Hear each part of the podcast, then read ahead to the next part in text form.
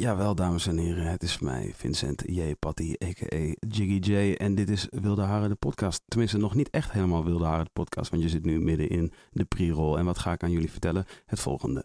Je kunt via patreon.com slash Wilde de podcast, een patroon worden. En het klinkt heel tof, en het is het ook. Want wat kun je doen als jij patroon bent van Wilde Haren, de podcast, is je hebt invloed op Wilde Haren, de podcast. Neem nou bijvoorbeeld de podcast die je nu zo direct gaat luisteren.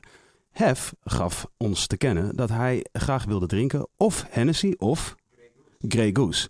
Toen hebben wij gevraagd aan onze patroons, wat willen jullie dat Hef te drinken krijgt? En jullie stemden allemaal Hennessy. En dus ga je zo meteen kunnen horen, en wellicht heb je dat al gezien op YouTube, dat Hef inderdaad een fles Hennessy heeft gekregen. Nu, ja, dankjewel, patroons.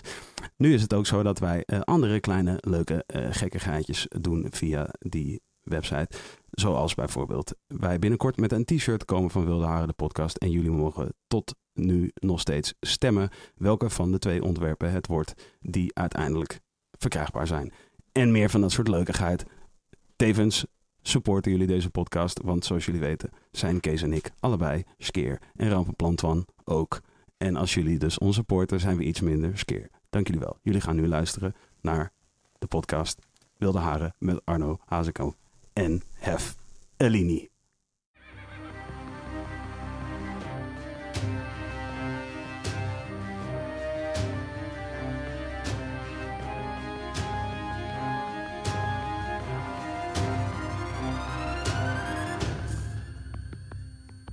Het is reuze.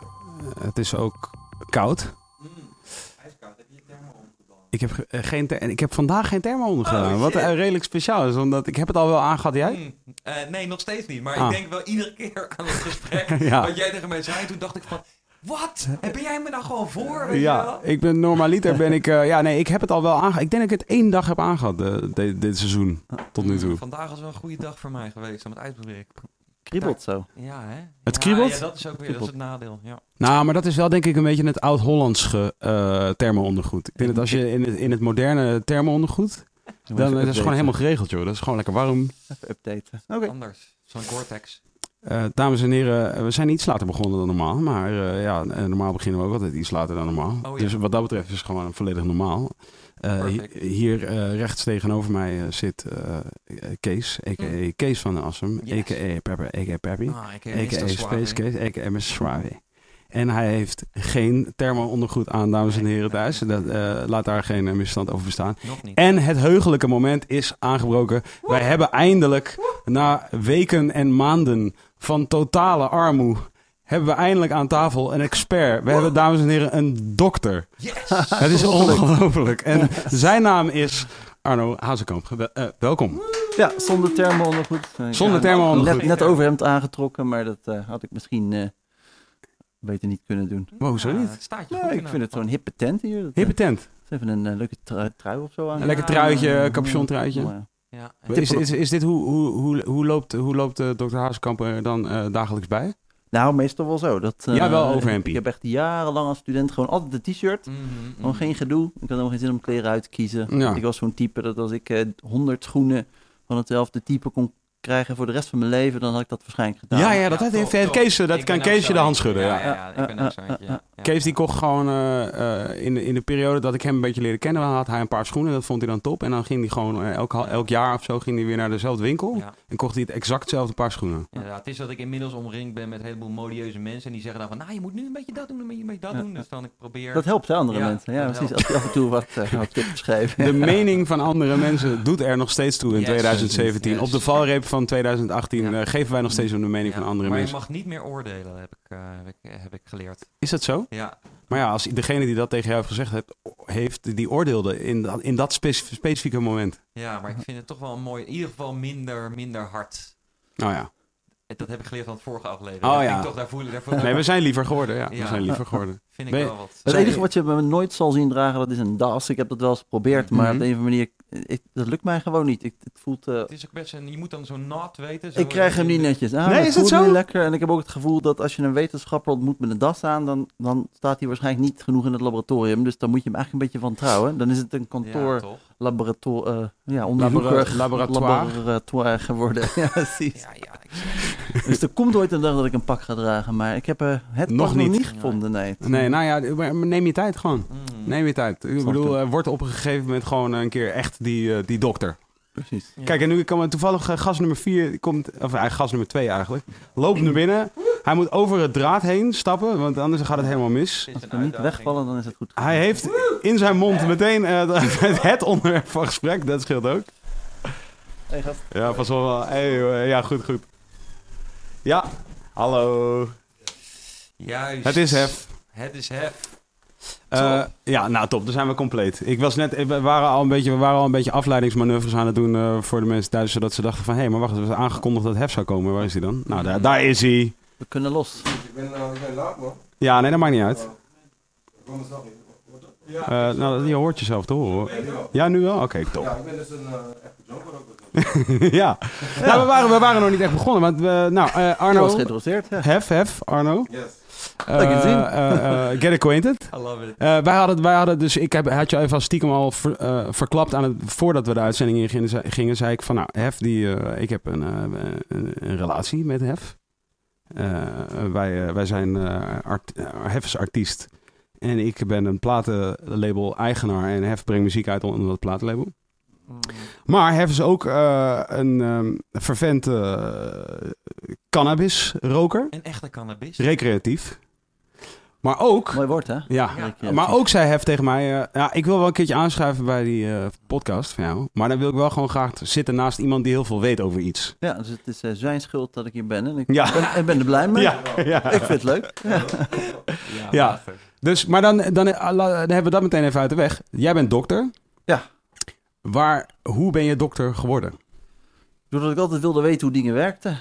Toen ik uh, kind was, had ik altijd al met Lego te spelen en dingen in elkaar te pulken. Ja. Op de middelbare school kom je dan uh, met allemaal vakken in aanraking en denk je, ja, wat moet ik er eigenlijk allemaal mhm. mee? Waar gaat dat allemaal heen? Dat zijn dan de exacte vakken, die kennen we allemaal. Die vond ik heel leuk. En toen ineens ging het over uh, genetica, over DNA en dat soort dingen. En toen mhm. dacht ik voor het eerst van, oh, wacht eens even. Dus daar is waar alles van gemaakt is. Ja van kevertjes tot mensen tot aliens. Dat, zit allemaal DNA in, ja. zoals je altijd van mooi in die alienfilms leert. En toen dacht ik, nou, dat wil ik dan wel weten hoe Deeltjes dat en stukjes Deeltjes, en uh, moleculetjes. En, en, zo ben ik uiteindelijk dus gaan spitten in de chemie en dat soort dingen. Uh, een poosje met uh, genetica gewerkt, maar toen kwam ik tot de ontdekking dat als je iets studeert, dat je het ook gaat worden als je later groot bent. Ja, oh ja, ja. Daar had ik letterlijk nog Dat is een goed besef om te hebben. Nog nooit over nagedacht. Ja, voor, de, voor de kinderen thuis, let op. Tuurlijk. als je iets aan het studeren bent, heb je goede kans dat je dat, je dat wordt. Maar wat je dan krijgt, is dat je dus met die mensen, ja. waar je normaal een stage mee doet of een, of een studie volgt, dan moet je ineens gaan werken. Ja. En als je dan ineens beseft van shit, dan moet ik met dat soort nerds de hele rest van mijn leven geld gaan verdienen. En dan kan ik niet meer zeggen, ik heb even geen zin. Toen ja. ik, wow, wacht, wacht even. Ja. Dus toen ben ik omgeschakeld uh, van dat soort laboratoriumonderzoek naar medicinale plantjes. Ja. Waarom? Omdat medicinale planten vooral voorkomen in uh, ontwikkelende landen. Mm -hmm. lekker ver weg. Ja. En dan heb je natuurlijk ook hè, hoe mensen... Noem er eens een paar als we het hebben over ontwikkelende landen. Welke landen bedoelen nou, we dan? Brazilië, Thailand, Indonesië. Uh, niet, niet de allerarmste landen, want daar is vaak weer niet genoeg te onderzoeken... omdat mm -hmm. het heel moeilijk te bezoeken is. Maar mm -hmm. vooral een beetje de opkomende landen. Die gebruiken medicinale planten. Gewoon uit traditie. Ja, ja, ja. Um, maar er is ook al wat interesse in, laten we eens begrijpen hoe dat werkt. Ja. Dus toen dacht ik, nou, dan heb ik een beetje veldwerk. Dan heb ik met echte mensen te maken. Ja. En niet helemaal van die uh, Zie je niet alleen maar met, met buisjes en in ja, deksels laboratory. Dat is, dat is letterlijk uh, buisjes en glaasjes en, en, en, handschoentjes aan. En dan kom je naar buiten en dan ga je proberen aan je moeder of aan je vrienden te vertellen wat je allemaal hebt gedaan. Die dachten hebben iets van, uh, wat? Ja. Waar is dat goed voor? Ik begrijp helemaal niks van. Ja. Dus na 30 seconden ben je uitgepraat en dan gaat iedereen met elkaar praten.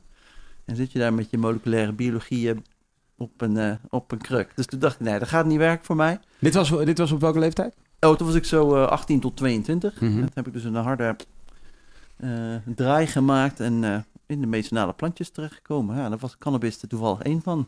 En ik was in 2001, zat ik toevallig net klaar voor een vervolgonderzoek. En toen, toen werd cannabis als medicijn gelegaliseerd.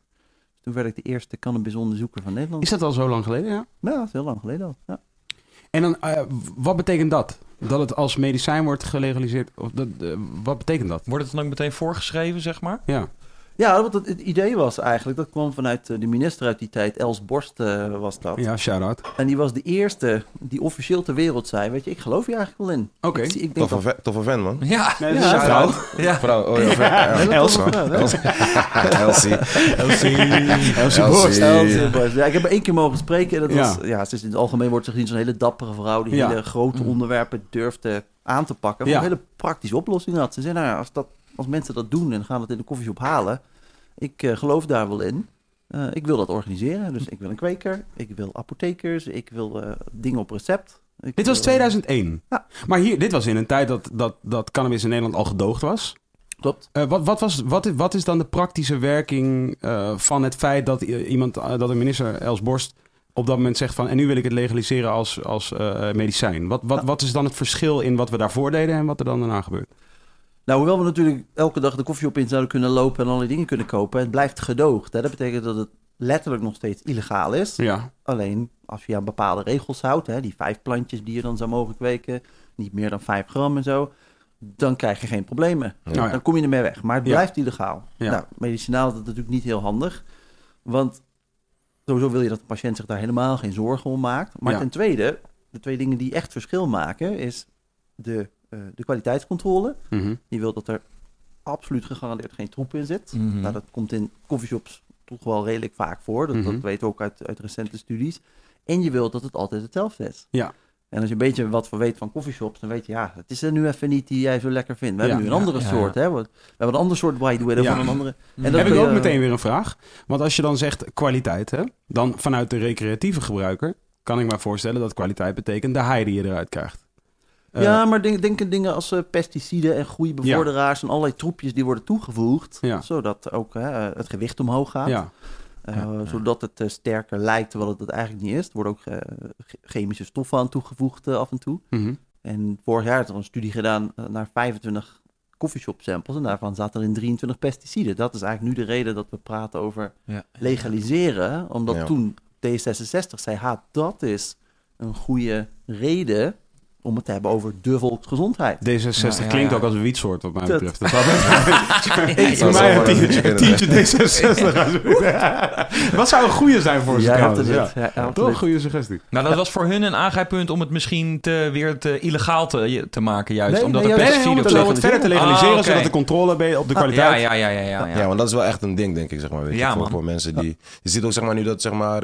Nederland is heel lang, zeg maar, de beste, soort van de beste wietland geweest, zeg maar. En nu zie je dat we, zeg maar, best wel achter beginnen te lopen. Mm. Omdat het in andere landen, zoals Amerika... Legaal is. Legaal is, zeg maar. En daar mag je wel gewoon echt, uh, echt kweken. En, ja. en, en gewoon, uh, ja, kan je beter experimenteren met dingen ook. Van, ja. We doen deze 100 gram doen we op zijn kop uh, drogen. Deze 100 gram doen we in de koelkast ja, drogen. Ja, Dit doen we daar zo op die. En dan kan je zeg maar verschillende dingen... ja, gewoon meer weten, zeg maar, erover. Want, jij, want jij als, als recreatief gebruiker uh, ben jij daarmee bezig met pesticiden en dat soort dingen? Zeg je van, uh, hey, ik wil wel echt dat dat, dat dat tot een minimum is? Of nou, dat... het geluk dat ik heb, zeg maar, is dat ik bij elke coffeeshop die ik ga, dat ik wel, zeg maar, een soort van... Uh, de eigenaar ken? De eigenaar ken, zeg maar. Of die guy achter de balie. En dan weet ik wel, zeg maar, dat ik gewoon goede shit, goede shit rook. Maar ik kan niet uitsluiten dat, het, dat ik dat ik nooit die shit gesmokt heb, ja, ja. nooit in mijn zak gehad heb, zeg maar, weet je. Dat, dat denk ik niet, zeg maar, weet je. Want hij zegt ook, uh, sommige wietjes die zien er heel goed uit, zeg maar, maar het is niet per se zo goed, zeg maar, weet je. En um, ja, Soms word je ook zeg maar een soort van belazerd of zo. Weet je? Nou, ik zeg altijd, pesticiden kan je niet ruiken of proeven. Ja. En andere verontreinigingen ook niet. Dus als ze erin zitten, ja, je kunt het niet zeker weten. Maar... Ja, het is niet anders dan groente, uh, ja, fruit, et cetera. Ja. Maar elke cannabissoort kan medicinale werking hebben. Alleen wat het echt medicinaal maakt, is dus de kwaliteitsstandaarden die erbij horen. Ja. Denk ik, maar wat, wat, is, wat is dan zeg maar, een soort van het meest medicinale erin? Zeg maar? Is dat zeg maar de. Uh, want zeg maar, in wiet zit toch weer allemaal verschillende dingen, toch? Zeg maar. Wat is dan zeg maar, dat, dat, dat ding wat zeg maar, het meest uh, geneest, zeg maar? Nou, dat is een goede vraag. Want normaal gesproken, als je wat voor medicijn dan ook neemt, dan zit er één stofje in. Mm. En een exact bekende hoeveelheid. En dat is je medicijn. Hè? Dan neem je dan in de vorm van een pil of zo. Mm -hmm. En dan ineens komt er iets als cannabis. En er zit één stofje in, en dan twee, en dan drie, en dan misschien wel tien, en misschien wel honderd.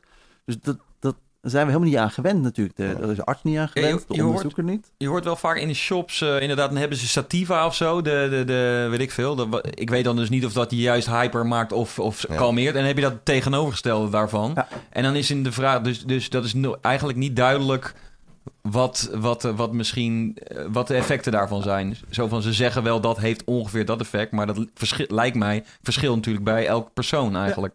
En bovendien is er natuurlijk een verschil in hoe iemand er high van wordt en hoe iemand zijn pijn ervan minder ja. voelt. Ja, ja, dus, dus we hebben Want ik kan mij voorstellen dat iemand die er minder pijn van heeft niet op per se zit te wachten dat hij de hele dag uit aan het spacen is.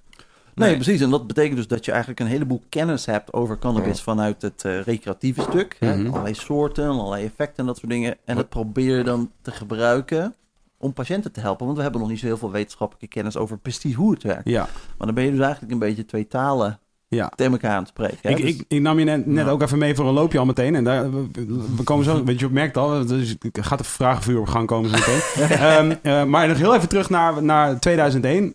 Uh, nee, was het 2001? Nou ja, rond die tijd. Jij, uh, dus Elsborst legaliseert, wil het legaliseren als medicijn. En jij bent mm. toevallig net aan het, aan het pielen met, met, met spulletjes en je wil niet meer achter de buisjes. Nee, dat klopt. En ja, mijn professor komt naar mij toe en zei, wat dacht je van medicinale cannabis? Ik zei, ja, hoe kom je daar nou bij? Wat heb je op zak? Ja. ja dus, Heb je er zelf iets mee? Rook je jezelf of heb je het ooit zelf gebruikt? Of experimenteer je er zelf mee? Nou, dat is wel grappig, want die, die, die vraag verwacht ik natuurlijk. ja, die moet jij dan weer stellen. Nee, de verwachte vraag. Op, op, zich is het geen gekke vraag. Maar ja, de grap is natuurlijk als je een ander beroep doet. En je bent bakker of je werkt bij een farmaceutisch bedrijf. Eet je ook brood? Dan zegt niemand, heb je al je broden geprobeerd? heb, je, heb je als farmaceut al je pillen al eens een keer Nou, bij broden vind ik het wel al meer aannemelijker. Maar je, dat is een goed voorbeeld met, met de farmaceutische industrie. Dan ga je natuurlijk niet al je eigen medicijnen proberen. Maar trek je ook je eigen luiers aan? Om, om, om even eerlijk te zijn, ik rook echt wel eens een jointje. En ik vind het ook lekker, maar ik ben er niet heel veel mee bezig. Ja. Ehm, en ik heb ook eigenlijk niet zoveel heel veel persoonlijke ervaringen waardoor ik er nou zo graag uh, studie aan wilde doen. Nee, oké, maar goed, jouw, uh, jouw uh, docent of die zegt tegen jou van wat dacht je daarvan? Ja.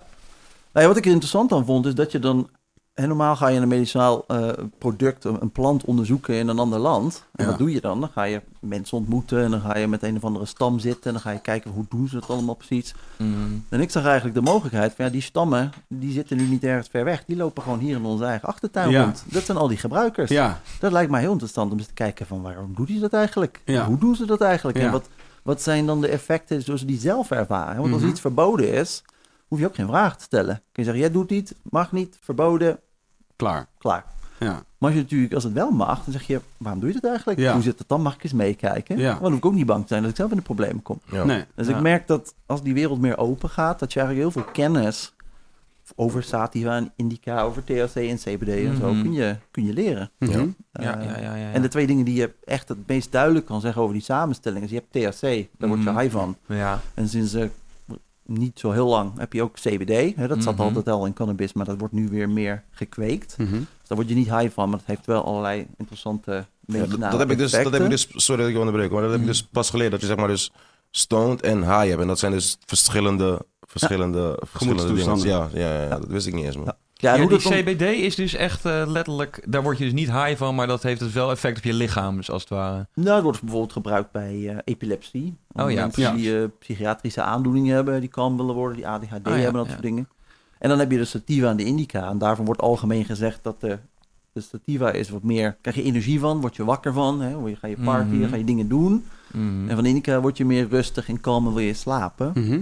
Dus als je dan medicinale cannabis op de markt brengt en de eerste drie soorten zijn alle drie sativa. Mhm. Dan denk je, nou, we hebben al drie soorten. En toen kwamen de patiënten en die zeiden, ja, maar ik wil niet hyper worden. ik, wil niet, ik, wil, ik wil slapen, ik wil relaxen. Ik, ik, ik, kan niet uh, de, dag, de nacht niet doorkomen. dus dan ga je je afvragen, wat, maar wat is dan indica? En hoe meet je dat dan en hoe ontwikkel je dat dan? Maar dan kan je dus, als je daar goed naar kijkt en, en veel mensen vragen stelt... Als je, als je bijvoorbeeld uh, aan tien mensen vraagt, kun je me nou eens je meest indica-soort geven en je meest sativa-soort? Ja, dan, mhm. als er een verschil is, dan kon je ook wel iets vinden. Ja. En dat heb ik gedaan in een van mijn studies. En dan blijkt dat dat weer samen te hangen met uh, de terpenen. Ik weet niet of je dat kent. Dat zijn de geur- en de smaakstoffen die in de cannabis zitten. Mm, nee. THC en CBD, dat zijn de zogenaamde cannabinoïden. Er zijn er mhm. heel veel van. Er wordt ook heel veel over gepraat. Nou, CBD is nu de meest bekende. Nou, omdat je er niet high van wordt, kan je dat overal kopen bij het kruidvat, zoals CBD-olie. Ja, dit is wat, dit is wat zeg maar onze ouders gewoon nemen en dan zeggen van, oh, ik heb een wietpilletje maar is dat, maar valt dat onder medicinale, uh, medicinale wiet of zo? Is, is dat, want eigenlijk wel, toch? Het is gewoon een bestanddeel van het plantje. Ja, weet je wat het grap is? Dat daar zijn eigenlijk geen duidelijke regels voor. Want natuurlijk de, de Hmm. wetten rondom de cannabis zijn nooit bedoeld voor CBD. Maar het komt wel ja. uit de cannabisplant. Ja, juist. Mm. Dus zegt de ene groep, ja nee, dat mag dan dus gewoon, want dat is niet expliciet verboden. Maar de overheid is ermee bezig en zegt, ja, maar zoveel mensen gebruiken het Mhm.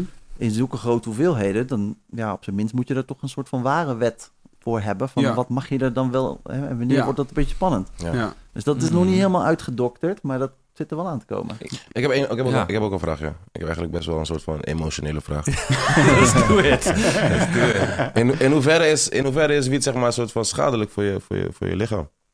Ja, dat, is- dat is ook dat is Hmm. een interessante, want dat ligt er maar net aan. Toevallig vanmiddag dat gesprek met een middelbare scholier dat een werkstuk gaat schrijven. En die zei, ja, maar cannabis is toch veel minder schadelijk dan alcohol? Toen zeg ik, ja, maar wat is dan schadelijk? Nou ja, zegt hij, je gaat daar niet eh, dood van. Van alcohol kan je een overdosis, hè? dan kan je doodgaan. Zeg, Mhm. maar wat nou als ik eh, een joint rook en ik stap in de auto en ik maak een ongeluk?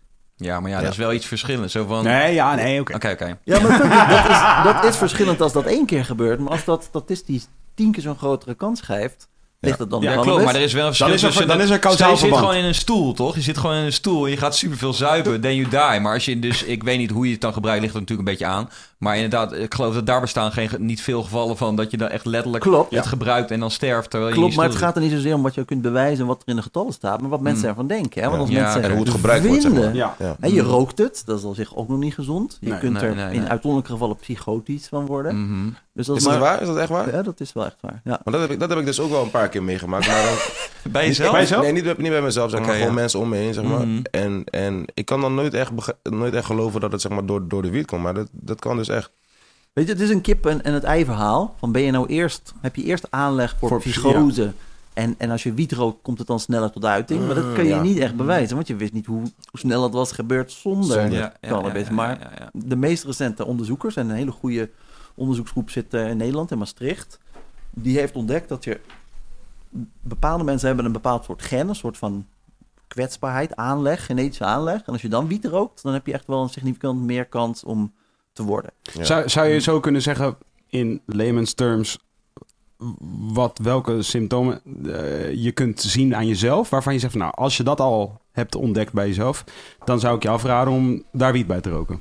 Ja, nog niet. Er zijn wel bepaalde dingen waar cannabis een hele sterke effect op heeft en die ook mis kunnen gaan. Bijvoorbeeld op je bloeddruk. Dus als je last hebt van een hele lage bloeddruk en je, je, je rookt een joint en je valt van de trap, Ja. wat bijvoorbeeld zou kunnen als je patiënt bent, ja, dan, eh, dan breek je je nek. Ja. Weet je, wel? dus, en zoals je Ja. zegt, is het schadelijk. Het is meer een effect van... Als je natuurlijk naar alle effecten en, Mm. en jeugd die het gebruikt en dan misschien niet goed presteert op school. Dus misschien wetenschappelijk zeg je, ja, maar dat telt niet. Maar vanuit de samenleving zeggen ze, ja, dat telt wel. Ja, dat ik- hoort ik- allemaal bij wiet. Ik zou als leek inderdaad zeggen, dus, ik, dus ik, dit is gewoon onzin misschien wat ik zeg, maar ik wou zeggen van, ik kan me wel voorstellen als je inderdaad nog volop in ontwikkeling bent, weet je wel, inderdaad jong eh, nog bent, dat je dan misschien eerder de neiging hebt om eh, super in de war te raken, in, te- in tegenovergesteld dat je, Ja. als je iets ouder bent en je weet al wie je bent en je hebt al, je, je, je leven zit, is al zoals het is, Ja. dan eh, ja. Maar wat, ik, wat, wat, wat, wat- wat jij dan zegt, zeg maar, is dan zeg maar eigenlijk hetzelfde wat ik dacht, zeg maar. Omdat ik zeg dan altijd iemand die, zeg maar, die zo makkelijk, of ja, makkelijk, niet makkelijk, zeg maar, maar makkelijker dan de normale mens, zeg maar, eh, in een psychose kan, kan, kan Mhm. raken, is ook dezelfde persoon die, weet ik veel,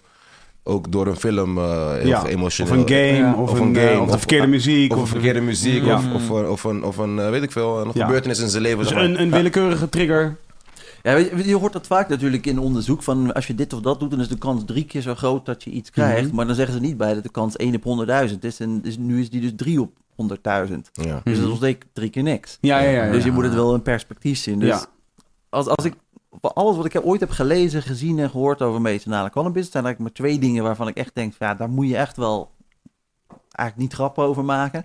Dat is inderdaad die psychose. Mhm. Kleine kans, maar wel groot effect op je leven Ja, natuurlijk. als je En- erin gaat, dan eh, is het eh, slecht nieuws. Ja, dan kan, kan je je hele leven er last van Ja. hebben. En jongeren, eh ja, en jongeren is eigenlijk nog onder de 25 jaar, maar zeker onder de 18. Dat heeft gewoon effect op, je, op de ontwikkeling van je hersenen. Dus je hebt Nou, gewoon en- nooit met dezelfde hersenen. Daar wil ik... Oké, dat, Ja, dat is we- dit is wetenschappelijk, dit is, we- dit is wetenschap. Ja. Hè, dat heeft effect op jouw hersenen. Ja. En, en wat is het effect wat dat heeft op jouw hersenen? Want we hebben moet- het vaak over cellen, hè? Zo, ah, weer een cel weggerookt. Of met alcohol ook, hè? weer een cel weggedronken. Nou, het komt uiteindelijk wel op cellen neer. Want de meest indrukwekkende presentatie die ik ooit op een congres heb gezien... het was zo iemand die dan een uur dan zijn hele levenswerk mag vertellen. Zo'n keynote speaker. Mhm. En dat ging over hoe hersencellen zich bij kinderen, echt menselijke kinderen, ontwikkelen. En het blijkt dat er allemaal celletjes in je hoofd en die moeten allemaal iets gaan doen. Nou, hoe weten ze wat ze moeten gaan doen? Welke kansen moeten opgroeien? Met welke andere cellen ze contact moeten maken? Dat ligt voor een sterk deel aan een lichaams-eigen systeem. Dat heet het endocannabinoïd systeem. Ja. Als jullie dat weten, dan ben ik heel onder de indruk. Endocannabinoïd. Ja, ja nee, toevallig het linkje net nog openstaan op mijn... Ja. dat zijn, dat zijn lichaams-eigen... Zo de even, even light reading. ja. ja. Nou, ik ben altijd namelijk verbaasd over hoeveel cannabisgebruikers weten van al deze studies. Want nou, dat één, één ding over cannabisgebruikers is, ze hebben veel tijd om te duiken in stofvak. Ja. ja. mensen weten echt heel veel. Daar ben ik altijd van onder de indruk. Ja.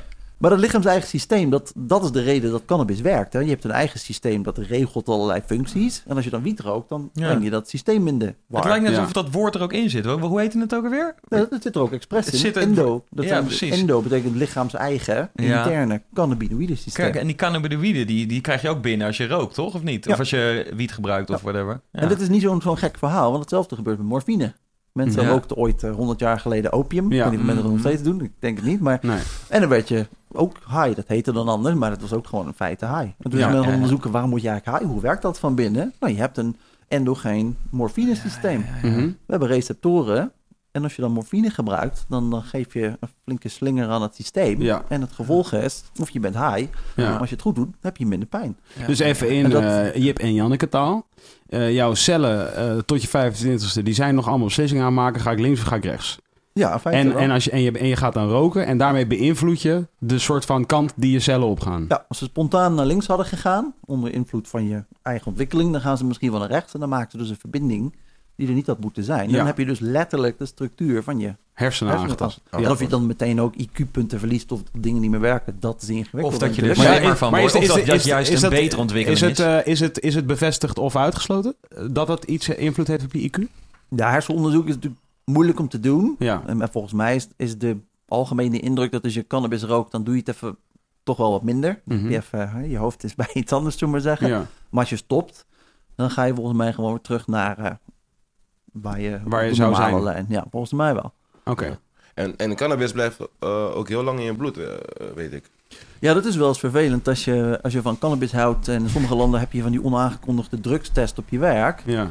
Ja, dan heb je allemaal kitjes en dingetjes, maar dat helpt geen zier. Want uh, het zit gewoon echt in je bloed. Het kan echt maanden in je bloed. Je moet gewoon echt iemand anders de pis hebben. Ja, ja, ja. Ja, zeker. Dat is de enige manier, oké. maar maar dat, dat, zit, dat zit in je bloed en het effect daarvan is ook nog steeds actief. Nee, cannabis gaat in je vet zitten. Cannabisstofjes zijn heel erg vetoplosbaar. Daarom als je die hash op je vingers. krijgt, dan krijg je met water ook niet weggewassen. Ja. Hartstikke vettig spul. En ook in je lichaam gaat het in je vet zitten. En dat komt er heel langzaam uit. Maar dat betekent niet dat je drie maanden high blijft. Ja. Dat zou wel lekker, uh, ja, dat zou wel uh, efficiënt zijn. Ja, ja, ja, ja, precies, Maar dat is niet zo. Maar in een test uh, ga je absoluut door de mand. Dan zie je nu vanaf dan zie je alle mensen in de shop gewoon de hele dag alleen maar met hun handen zo. Ja, ik, ik voel me af.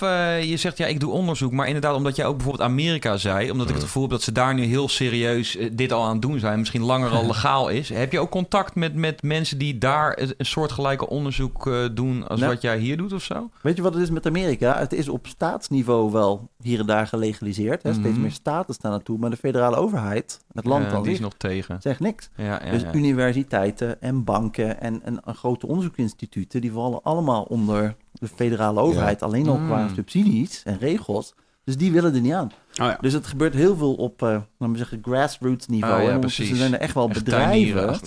Nou, op zich zijn er wel bedrijven gestart, maar dat zijn dit mm. bedrijven die vanuit hun drang om dingen te willen verkopen, de boel ja, aan het aanjagen. Ja. Aanjagen zijn, maar de overheid houdt het tegen. Ja, dus zeg maar het grote geld en dus ook de grote hmm. intelligentie, zeg maar, zit er nog niet achter. Nou, er zit wel geld in, want dat is vanuit de ondernemingen gaan er steeds grote ondernemers, ex-mensen van Microsoft en Facebook en weet ik het, wie er allemaal in hmm. zit. Hmm. Alleen tot voor kort, en volgens mij misschien nog, nog steeds, eh, ze kunnen geen geld op de bank zetten. Als je bijvoorbeeld geld wil overmaken via PayPal en het woord cannabis staat erin, dan, uh, dan blokkeert PayPal oh, ja? uh, de rekening. Ah. Dus, dus ze missen heel veel naar de deep web. Dus het is niet zo dat het, dat het onderzoek daar verder gevorderd zou zijn dan, dan op andere plaatsen of zo? Nee, de commercie is verder ontwikkeld. Okay, okay, dus er zijn, ik, ik leg het altijd uit. In Amerika heb je een snoepwinkel vol met cannabisspullen. Hè? Mm, Mijn favoriet is dan de THC Gummy Bear. Ah, geen OG Kushman. Maar niemand... ja, trouwens, die vind ik ook interessant. Ja, de Gummy Bear, ja. Die wil ik ook hebben, ja. Het lijkt me sick. Maar sorry, ga door. Je weet dus niet wat je krijgt. Want kwaliteitscontrole en dat soort dingen... Ja, er is geen centraal toezicht. Dus je hebt heel veel keus, maar weinig zekerheid. En hier in Europa, en ook landen zoals Australië die nu uh, daarmee bezig zijn. Die zeggen, we willen eerst regels, we willen eerst de spelregels bepalen, want we willen niet zoals Californië worden. Nee, okay. Als dat Oregon, want dan, is, dan krijgen we nooit meer het duiveltje in de toosje. Dus we willen eerst regels, Mhm. En dan mag je spul op de markt brengen. Dus dan heb je hele goede kwaliteit, maar weinig keus. Oh, precies. En in die mm. gebieden is het, wat, wat je noemt specifiek die twee uh, plekken in, uh, in Amerika. Wat is daar dan een soort van niet goed gegaan of zo? We willen niet als uh, die als Oregon zijn. wat is daar dan misgegaan wat zij niet willen dat dat ook gebeurt in hun land? Nou ja, als bedrijven op een gegeven moment geïnvesteerd hebben, mensen in dienst hebben genomen en aan de gang zijn, ja, ja. dan kan je niet zomaar meer stoppen, want daar zit er geld in, dan gaan ze procederen. Ja, en, en, want investeringen zijn heilig, dus dat betekent dat de overheid van die staat probeert om dan regels te bedenken, maar ze lopen per definitie altijd achter. Want als ze nu gaan bedenken, zijn ze over een jaar klaar. Mhm. Maar die regels, ja, de, de, industrie is alweer verder. Ja. Dus ze lopen altijd achter de zaken aan. En dus geen twee staten hebben dezelfde regels. Ja. want staten communiceren... Of nee, dat is sowieso... Dat, dat kennen wij uit MMA. Ja, ja, ja. Bijvoorbeeld, regelgeving eh, ten aanzien van vechten. Ja, klopt. Wat, wat, zou, wat, zou, wat zou jij doen, zeg maar, als jij de, zeg maar, de beslissing mocht nemen over, zeg maar, hoe... Ja, op dat niveau. Ja, op dat niveau, zeg maar. Als jij de, de, de man was, zeg maar, die kon beslissen over het wietgebruik in Nederland medicinaal of gewoon recreatief? Uh, hoe zeg je dat? Recreatief. Recreatief. Nou, gelukkig kan ik dat een beetje, want ik word heel veel gevraagd uh, vanuit mijn expertise natuurlijk. Oeh, en een van de, de opperplug. Ja, mag ik je nummer, mag ik je nummer. heb, ik het al, heb ik nu weggegeven. Ja, ja, uh, dames en heren, zijn nummer staat straks onderaan dit YouTube-filmpje. je kan gewoon ja, maar. Teken de petitie. Ja. Hey, hoe ik het zie is, is, je moet eerst een standaard hebben voor kwaliteit. Als iedereen van ons maar maakt, ja, dan gaat het niet goed. En, dat, en dat is ook voor de consumenten niet helemaal niet leuk. Want, en, want als je CBD-olie gaat kopen, dat is mijn meest recente onderzoek. Ja. van 46 samples onderzocht. En in de helft van de, van de potjes zit niet wat erin moet Oké, maar dan, volgens mij zijn we met, met die uitspraak zijn we direct bij één van de grote vraagstukken. En dat is legaal of illegaal. Toch? Want jij nou, niet per se. Want in beide gevallen gaat de discussie eigenlijk over... Als we het gaan doen, dan willen we wel weten wat we verkopen. Oké, maar dan is het volgens mij het argument eh, voor mensen om te zeggen... legaliseer het nou, is dat als je het gaat legaliseren... dat er dan dus meer draagvlak voor komt. Mhm. Eh, ook vanuit de commerciële industrie. En als er dus meer draagvlak en, uh, voor de commerciële industrie is... komt er ook meer geld in en is er meer ruimte om onderzoek te doen... en de kwaliteit te waarborgen, toch? Dus ja, ja.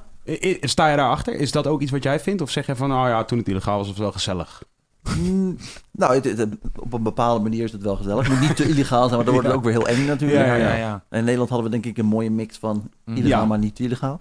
Um, maar ik denk dat, dat het wel degelijk een verstandig idee is om, uh, om eens wat kwaliteitseisen te gaan introduceren. En je ziet dat met medicinaal gebruik, want je wil als patiënt niet van alles nog wat slikken. Ja, en bij CBD-olie, uh, van die 46 samples die ik heb geanalyseerd, in 7 zat helemaal niks. En zijn dit, is, dat is gewoon gekleurde slaolie. Is dit, is dit uh, er helemaal niks, geen, geen, er zit, niks, geen werkende stof. Helemaal niks. zit geen CBD in niks. ik wou zeggen, zijn dat 46 samples? Ja, inderdaad. Zijn het 46 samples van, uit Nederland? Of uit, uit Nederland, ja. Gewoon, we kregen vier patiënten. Oh. En, minstens de helft van die potjes zit uh, minder dan de helft van wat je denkt te kopen. Dus je wordt gewoon opgelegd. Ja, precies. En dat is weer het gevaar van commerciële handel. Ja. ja.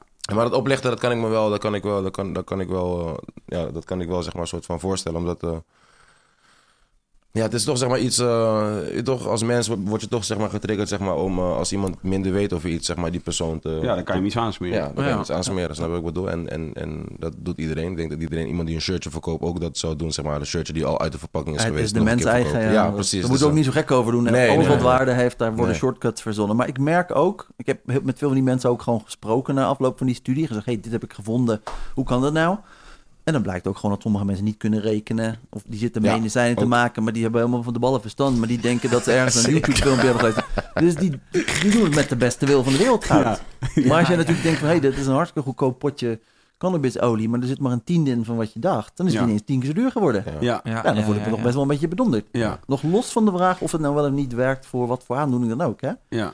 Dus, um... ik, uh, ik, uh, ik, uh, ik ben heel goed bevriend met een coffeeshop uit Den Haag, Dizzy Duck. Mm En die, die willen graag heel graag voorlopen zeg maar, op, op, op de wet en, en, en zeg maar, dat soort dingen. En die hebben nou een systeem bedacht dat ze zeg maar, op elke zakje, die ze, elke zakje wiet die ze verkopen, dat daar dan op staat hoeveel procent CBD en hoeveel procent THC en hoeveel procent dit. En ook zo'n Weet je wel, van die... Uh... Een soort keurmerk? Nee, niet de keurmerk, maar die dingen die je zo kan scannen, dat je dan alles... Uh... Ja, ja, zo'n barcode. Zo'n bar ja. Zo barcode. Streepjescode. Ja. IR-code? Die, die, hebben, ja, oh, precies. Oh, ja. ja. dat. QR of IR. QR-code. Ja, QR ja, die heb je dan op elk zakje en die kan je dan zeg maar scannen. Ja, en dan, en dan krijg je informatie over, over wat, je, wat je gekocht okay. hebt. En ik vind dat wel een heel tof... Uh, Dat, hebben, ze, hebben ze zelf bedacht, zeg maar. Weet je. En willen zelf zeg maar, de, de klanten informeren. informeren over wat, wat, ze, wat ze nou echt roken, zeg maar. En ik vind dat wel echt een tof. Het, het zou heel wat zijn als dat overal was. En ik zat, ik, zat, ik denk, het zou nog uh, chiller zijn als je gewoon een klein apparaatje hebt waar je gewoon dat, dat zakje dan even in kan doen om te checken of het ook echt klopt. Dat verkopen ze dus ook. Ja? Dat, ze, ze hebben dus dat bestaat gewoon. Dat bestaat ook, ja. Dat bestaat ook gewoon. Maar niet per se dat je dan kan, kan testen hoeveel, hoeveel CBD of whatever, maar wel dat je een soort van kleine microscoop hebt. En als je dat je een beetje kan zien, als je een beetje verstand hebt van wie, dat je dan weet wat je gekocht hebt. En um, ik vind het juist heel tof zeg maar, van hun dat, ze, zeg maar, dat hun zeg maar, al daarmee bezig zijn. Zeg maar, weet je. Vooral omdat dat de regering zeg maar, altijd een soort van de coffeeshops tegenwerkt en zo. Zeg maar. Hun proberen juist je krijgt een soort uh, ik kies bewust uh, ja. cannabis. Ja. ja, maar dat is altijd dan het punt dat ik als uh, onderzoeker een beetje vervelend word en mensen denken, oh, die heb je hem weer. Want dan zeg ik altijd, ja, maar dat wordt getest door laboratoria die eigenlijk geen laboratorium zijn. Ja. Juist dan. Dus ja, ja. Ik, ik, vind het goed dat ze het doen. Mm. Ik heb een paar jaar geleden had ik het met de BNN Spuit en Slik al over het wietlabel. Ja. Het is gewoon hartstikke voor de hand liggend een slim idee. Maar mm. iemand die dat label maakt, moet wel kunnen analyseren. Ja, en dat we echt kunnen en, ja, en welk orgaan ligt daar weer aan ten grondslag? Dat zich maar weer checkt of dat wel weer legitiem is. En dat zou je dus eigenlijk bij gewoon officiële laboratorium moeten doen. Maar dat mag weer niet, omdat coffeeshops niet legaal zijn. Ze zijn ah, gedoogd. Ja, dus dat betekent dat ze eigenlijk aan de verkeerde kant van de wet staan. En het is dus wettelijk niet toegestaan dat een coffeeshop zomaar een sample opstuurt naar een echt lab. Mhm. Dus het is ook niet helemaal hun schuld. Mhm. Dus daarom zijn ze begonnen met zelf labs opzetten. Of ondernemende mensen dachten, hé, hey, dat kan ik wel. Mhm. Maar wat je dan vaak hebt, is dat er een aantal mensen die, uh, die nog net uh, de middelbare school door zijn gekomen met scheikunde in pakket. En ineens een ingewikkeld apparaat van een half, uh, halve ton kopen. En dan ja. zeggen, tada, nu ben ik een lab. Ja. tegen, welke, tegen, welke, laat ik zeggen, tegen welke taboes liep jij aan als wetenschapper die zich ging verdiepen in, in cannabis? Ja, dat is eigenlijk helemaal niet zoveel. Omdat mijn professor die zei altijd, ja, het is gewoon de zoveelste medicinale plant die we onderzoeken. Er zitten gewoon stofjes in. En als ze wat doen, dan doen ze wat. En zo niet, ja, dan gaan we weer door met, uh, met wat anders. Ja. Dus als je het heel systematisch aanpakt, dan is het eigenlijk helemaal niet zo moeilijk. Het enige wat je constant tegenkomt, is dat overal glazen muren staan van wat wel, wel en niet mag. Ja. Hey, ik loop zo'n koffieshop binnen en het lijkt alsof het allemaal maar gewoon mag, mag en geregeld is. Maar op het moment dat ik ermee terugneem naar het lab, uh, dat kan dan weer niet.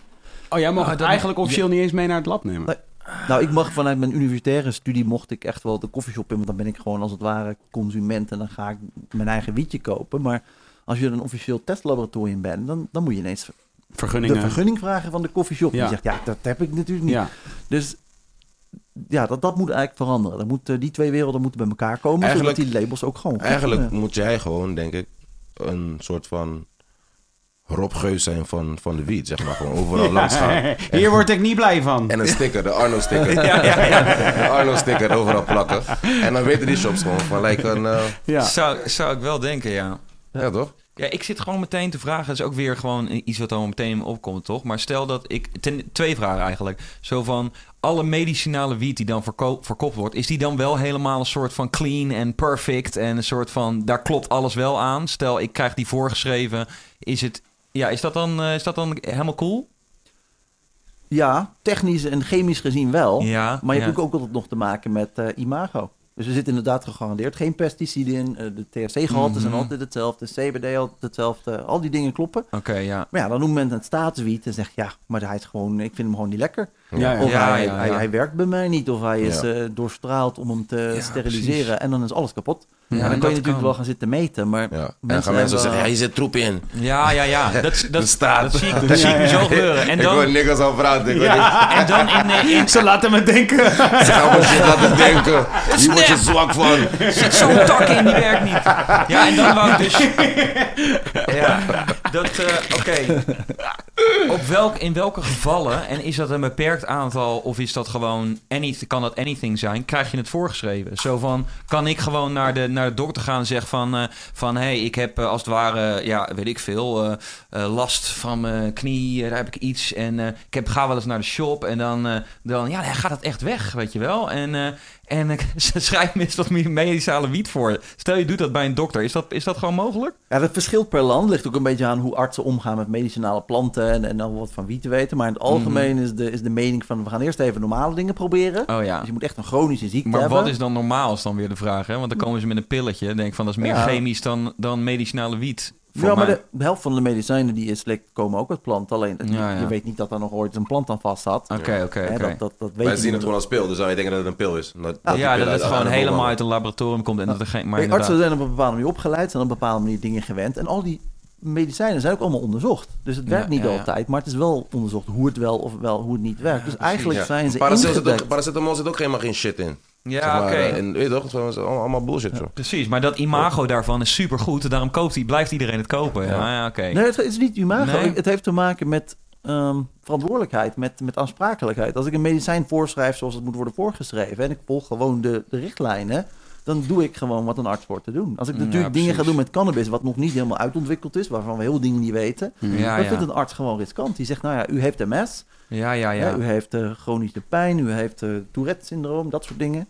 Echt heftige het dingen. Komt pas in, op een bepaalde plaats in het traject dat ze dan misschien zeggen van... oké, misschien moet je dit proberen, maar niet, er is niet een bijvoorbeeld een aandoening... waarbij een, een dokter meteen als eerste zeggen van... oh ja, je moet een keer uh, deze medicinale wiet gebruiken. Nee, meestal niet aan het begin. Meestal nee, wachten we meer tot het einde. Maar goed, dat doen we natuurlijk al, al vrij lang. Ja, want ik begon in 2001 met mijn onderzoek, maar in 2003 kwam het op recept beschikbaar. Mhm. Dus er zijn steeds meer artsen, steeds meer specialisten. Die hebben het zo vaak gezien mhm. dat ze nu durven te zeggen: ja, volgens mij heb ik nu wel door hoe het werkt. Dus nu ga ik eens wat meer. Dat heet dan off-label. Dus, dus buiten die lijst ga je dan treden. En dat mag ook. Okay, dat mag precies. Maar dat kost heel veel tijd voordat een samenleving daar een beetje aan gewend is. Ja, ik, ik, wil toch even nog elke keer weer een beetje terug naar, uh, naar hoe jij uh, je carrière als uh, dokter Cannabis hebt, hebt weten te vorm, vormgeven. De eerste, eerste jonko-onderzoeker. ja, ja. Was, was je de eerste? Was je eigenlijk de eerste? Ja, ik denk het wel. Er waren wel mensen die een klein beetje naar bepaalde aspecten hadden gekeken. Maar in, vrij, in feite was mijn opdracht uh, ja, er is nu medicinale cannabis en uh, we moeten dat onderzoeken. Mm -hmm. zeg ik, mhm. ja, wat moeten we dan onderzoeken? Ja. ja, zei mijn professor, dat weet ik niet, want, ja, want er, is, geen onderzoek. Er is geen voorgeschiedenis. Ja. En normaal gesproken neem je het stokje over van je collega. Ja, precies. En die gingen die kant op, dus jij gaat ook ongeveer die kant op. Ja. En daar had ik nou juist geen zin in. Ja. Dus ik vond het ook wel leuk. Dus dan ga je rondkijken en dan denk je, cannabis, cannabis, wat zit er in cannabis? Hoe, meet, hoe meet je dat eigenlijk? Nou, er is geen standaard methode om cannabis te meten. Nee. Nou, dan heb ik al die stofjes nodig, hè, THC en CBD. Waar mm. koop ik die eigenlijk? Ja, die zijn niet te koop. Oh, die moet ik dan gaan maken.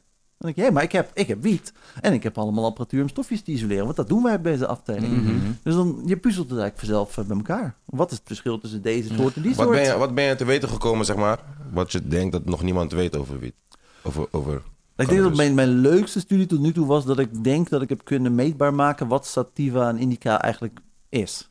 Dus dat je het verschil kan meten of? Ja, dat ik dus kan aanwijzen, chemisch, van als het dat soort samenstelling heeft, dan is het een indica. En dat soort is, is een, sativa. En ik denk dat dat samenhangt met bepaalde soorten groeihormonen in die plant. Waardoor mhm. die planten ook anders uitzien. En dat oh, zie, je, zie je dan aan de DNA-structuur of zo? Of waar zie je dat dan aan dat, je, dat het, uh, wat het is?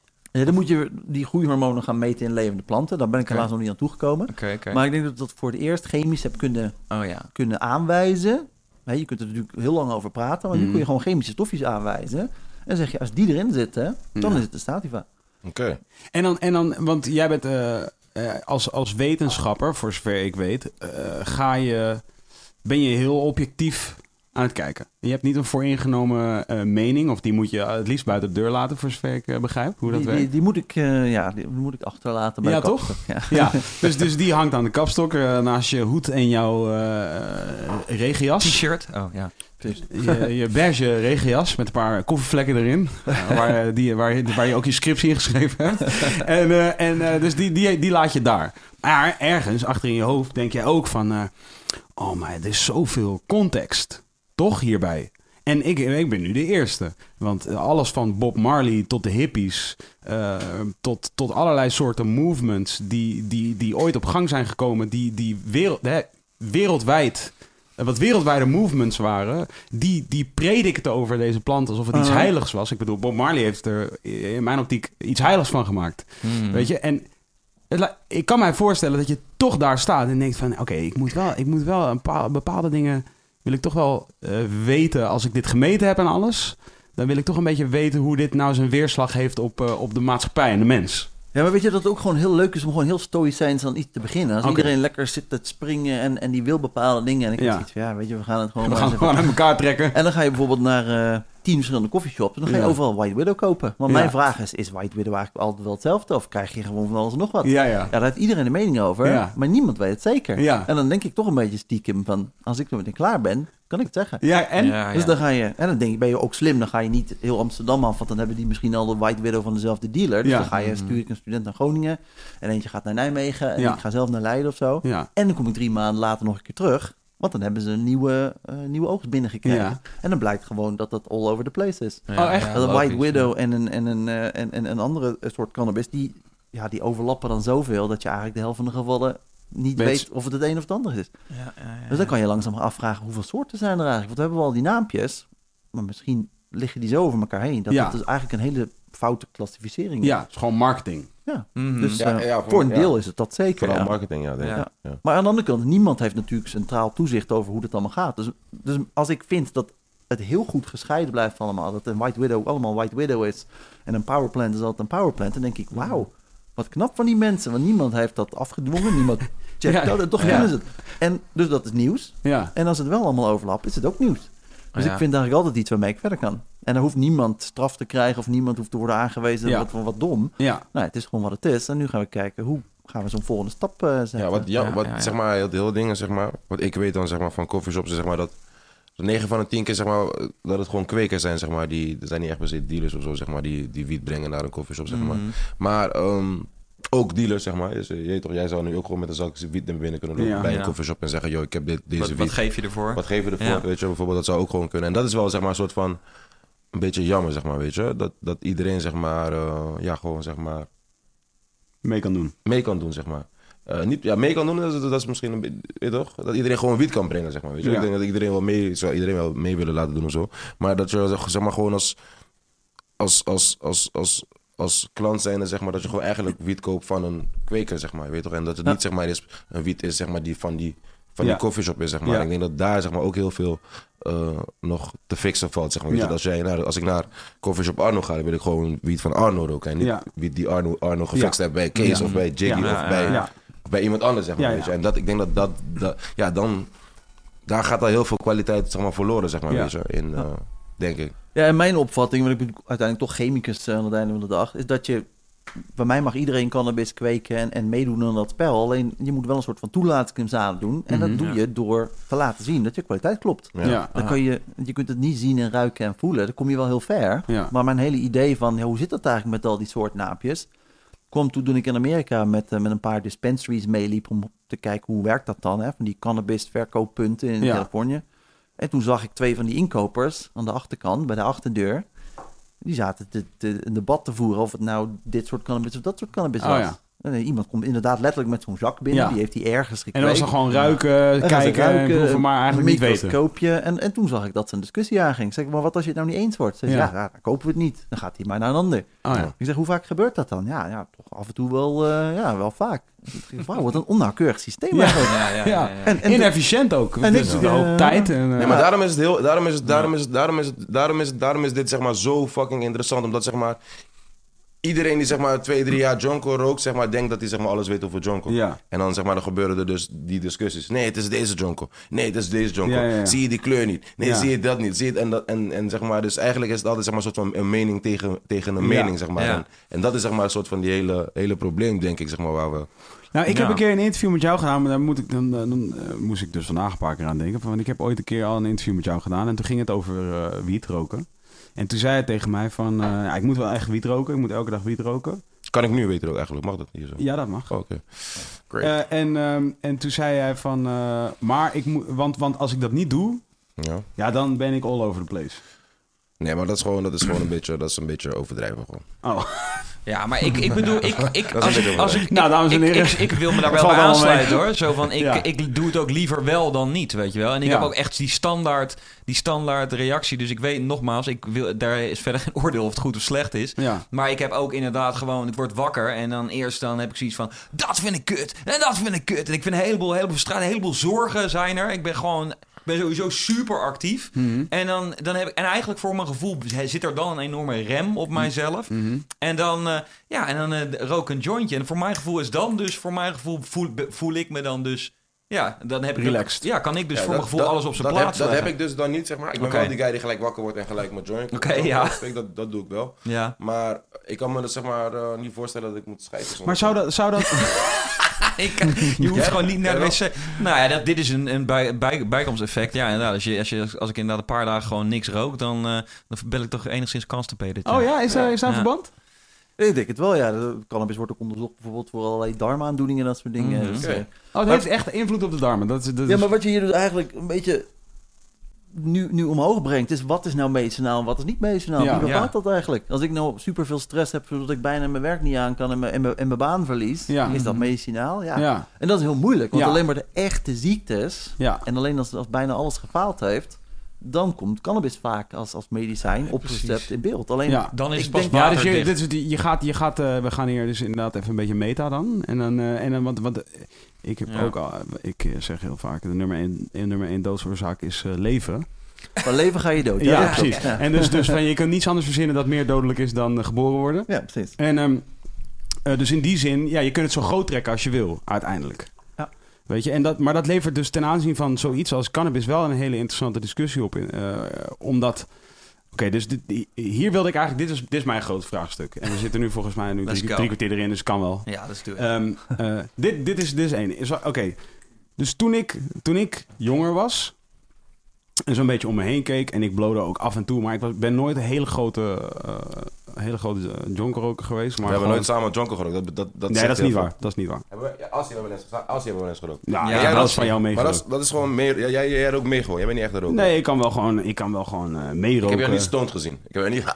nee, nee, nee, nee. Jammer nee, genoeg. Nee, dat, dat heb ik achter me gelaten. Kom nog, kom nog. Nee, dat is ook omdat Oh. ik dus inderdaad in die zin, eh, denk vergelijkbaar met een heleboel andere mensen. Ik word heel, eh, ja, ik raak toch een beetje in mijn, eh, in een, kom in een bubbel terecht en eh, ik, ik raak een beetje in mezelf gekeerd ervan. Eh, en dan word ik heel bewust en dan moet ik, me, dan moet ik me heel comfortabel voelen. Moet ik in een hele comfortabele omgeving zijn. Wil ik dat kunnen toestaan, zeg maar. Maar dat is ook omdat ik, omdat ik somewhat of een controlfreak ben.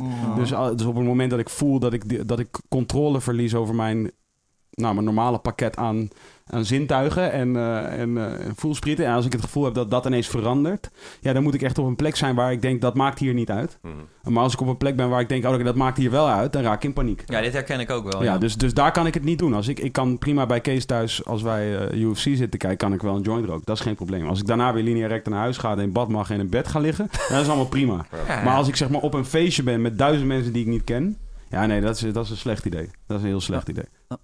Ja, ik heb dat, ik heb dat, ik heb dat, ja. ja. Weet je, het ding is ook bij mij, zeg maar, en dat is ook eigenlijk een vraag misschien ook tegelijk, Mm. van, hoe verslavend is het eigenlijk? Ja, dan kom je een beetje in het debat van is het lichamelijk verslavend of is het geestelijk verslavend? En daar zijn wel allerlei definities van. Ja. En ik, ik denk, ja, dat weet je zelf ook wel een beetje. Dat als je eenmaal aan begint, is het wel soms moeilijk om het weer los te laten. Ja. Maar dat is met alles. Ja, Ja, is Dat is met rituelen zo, dat is ook met je met slaapritme Nou, zo, dat is met je, met dieet en met je, met je voeding is het zo. Met, met En dan alles. kom je eigenlijk een beetje op wat jij net zei. En iets wat ik ook steeds interessanter begin te vinden is... Hoe bepaal je eigenlijk als, als cultuur, als samenleving... Hoe, Wat ertoe doet. Ja, en, en hoe afgeleid en hoe high mag Ja. je zijn? En, Ja, dat nou, en, dat is, en dat is cultuur. Yes, oké, dus hier wil ik heen. Hier wil ik heen. Oké, dus hier wil ik heen. Ja. Oké, dus ik ben jong en ik ben nog af en toe een beetje joint aan het roken.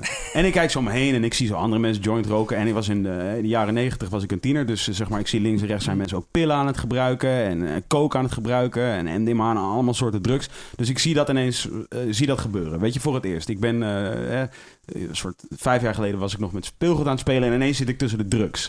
en, en, en ik kijk ze en ik ben altijd heel wel analytisch als persoon. eh, vooral eh, waar het zeg maar sociaal gedrag eh, betreft. Mhm. Maar ook bijvoorbeeld hoe mensen met hun carrière omspringen en met, met hun Wat de fuck betekent analytisch? nou ja, dat je de hele tijd ben- ja, onderzoekend een Oké, beetje. ja, oké. Mhm. Dus je, je, Analyserend. je analyseert ja, wat, er, wat er gebeurt eigenlijk. En dus dat was ik heel erg aan het doen. En ik keek gewoon en ik zag gewoon van... oké, er gebeuren bepaalde dingen met bepaalde mensen. Nou, dan even specifiek cannabis. Op een gegeven moment trok ik deze conclusie. Niet... Oké, eh, dan moet je even het woord skeer. Skeer is eh, Ja. dat je weinig geld hebt. Arm. Ja, Ik ga wat leren hier. ja. Dat is het woord skeer. Dus wat ik toen concludeerde was... niet iedereen die ik ken die jonko rookt, is skeer. Maar iedereen die ik ken die skeer is, rookt jonko. Daar kwam ik op een gegeven moment op. Dus dat ontdekte ik. Zo, dat is wel echt... Ja, ja, zeg je wel iets, man. Ja, hè? dat ontdekte Ja, ik. ja. Dus ik ontdekte van, oké, er zijn zeker jonko-rokers die tussen aanhalingstekens succesvol zijn op de maatschappelijke ladder. Ja.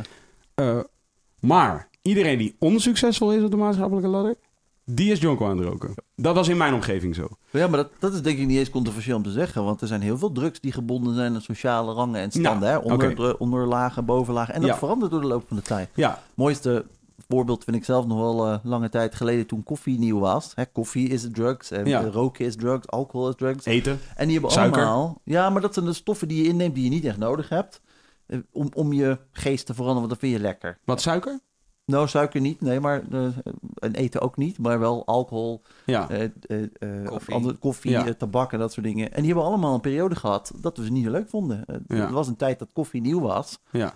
En dat kon alleen maar de bovenlaag betalen. Ze zaten in Londen in van die hele dure koffiehuizen, zaten ze koffie. Dat ja, als junkies. Dat kostte waarschijnlijk 20 ja. dollar per, per kop. Ja. En dan gingen ze het over politiek hebben. Ja. En dat waren allemaal van die type mensen die dan vragen gingen stelden bij het Koningshuis en zo. Dus toen is Ik moet meteen aan koffieshop diplomaten Ja, maar koffie is echt een aantal tiental jaren verboden geweest. Want daar kreeg je revolutionaire gedachten van. Oh, serieus? Nou, we hebben de drooglegging. Hè? We hebben Met tabak hebben we net een hele strijd achter de rug van mag dat nou wel of niet. Ja. Dus eigenlijk is dat cultuur. En cultuur Ja. zijn een aantal afspraken die je met elkaar maakt. Van ja, wat vinden we nog leuk, wat vinden we niet leuk. Ja. En cannabis is nu aan de beurt. Mhm. Cannabis is nu over dat drempeltje aan het gaan. Van, ja, misschien moeten we maar eens normaal doen. Ja. En Of gaan- niet. maar- Daar zijn we nu in ja, geval, maar dan gaan we het hebben over ecstasy en dan gaan we het hebben over heroïne. Maar ik denk dat we er nooit klaar Ja, alleen, zijn. alleen wat voor mij het verschil is tussen ecstasy en al die dingen is van... Dat is, dat is, eh, nou ja, goed, trouwens, over ecstasy bestaan ook heel veel liedjes. Maar specifiek, wij komen uit hip-hop. Maar we, en we hebben, allemaal, eh, we hebben allemaal Bob Marley bijvoorbeeld. Is voor iedereen bijna een held. Dus van, dat, is, dat is algemeen geaccepteerd. Dus ook vaak, als ik in discussie kom over cannabis... met, laat ik zeggen, oudere mensen...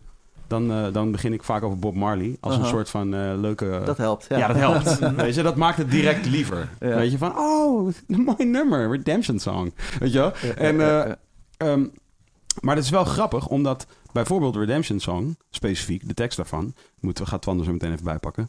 Oh nee, want ons beeldscherm doet het niet. We hebben, we hebben ook helemaal nee, hij niks. typt al. Hij is aan het typen, ja, maar we Ja, zien dat hier zien niks wij niet. We hebben normaal gesproken zouden we het hier zien. Ja. Ehm, eh, Oké, dit is er aan de hand. Onlangs zegt een goede vriend van mij, zegt tegen mij, eh, die ook, eh, met wie ik ook in de muziek opereer, die was ook heel erg aan het blowen. wat. Jonge jongen, relatief jonge jongen. Heel erg aan het blowen, had dat op een gegeven moment ontdekt. Ook terwijl wij hem leerden kennen. Dus hij blowde nog niet. Toen leerden wij hem kennen. Toen begon hij op een gegeven moment te blowen. En toen, en toen merkte hij zelf dat dat een, een shift in zijn pace veroorzaakte. Nou, toen zei hij, een poos geleden zei hij tegen mij van... eh, ja, ik ben gestopt met, eh met, eh met jonker roken en ik merk echt dat, het, dat het echt voor me werkt. Weet je, van ik doe gewoon meer, Mhm. zeg maar. En, en ik moet heel eerlijk zeggen, en dan komt hier, hier, naar aanleiding hiervan komt de vraag. Ik moet eerlijk zeggen dat dat had twee, bij mij- ik- dat, dat riep twee gevoelens bij mij op. Maar dat is vaak zo bij mij. Namelijk, enerzijds was ik heel blij voor hem, omdat ik dacht van oké, cool, nu kun je in de maatschappij eh, functioneren. Beter dan je kon toen je nog aan het blowen was. Want eh, het had invloed op zijn slaap, het had invloed op zijn eh, actieve werkhouding, eh, het had invloed op zijn sociale gedrag. Mhm. Dus blijkbaar werd het makkelijker voor hem om, om te nou ja, integreren in de arbeidsmarkt, if you will. Nee. Ehm, eh, dus daar was ik heel blij voor hem, zeg maar. Anderzijds denk ik van, oké, maar als jonko-roker, de jonko-roker die je was, je was niet een naar persoon. Je was een heel relaxed persoon. Je was, ik vond jou eh, niet een onprettig persoon, zeg Ja. maar. Alleen je functioneerde minder goed in de arbeidsmarkt. Nou, en, nu, en dat levert voor mij wel een interessant eh, euvel op. Namelijk, ik ben, het niet per, ik ben niet per se een groot voorstander van kapitalisme in die zin dat er ook heel veel mensen gebukt gaan onder wat dat is, zeg maar.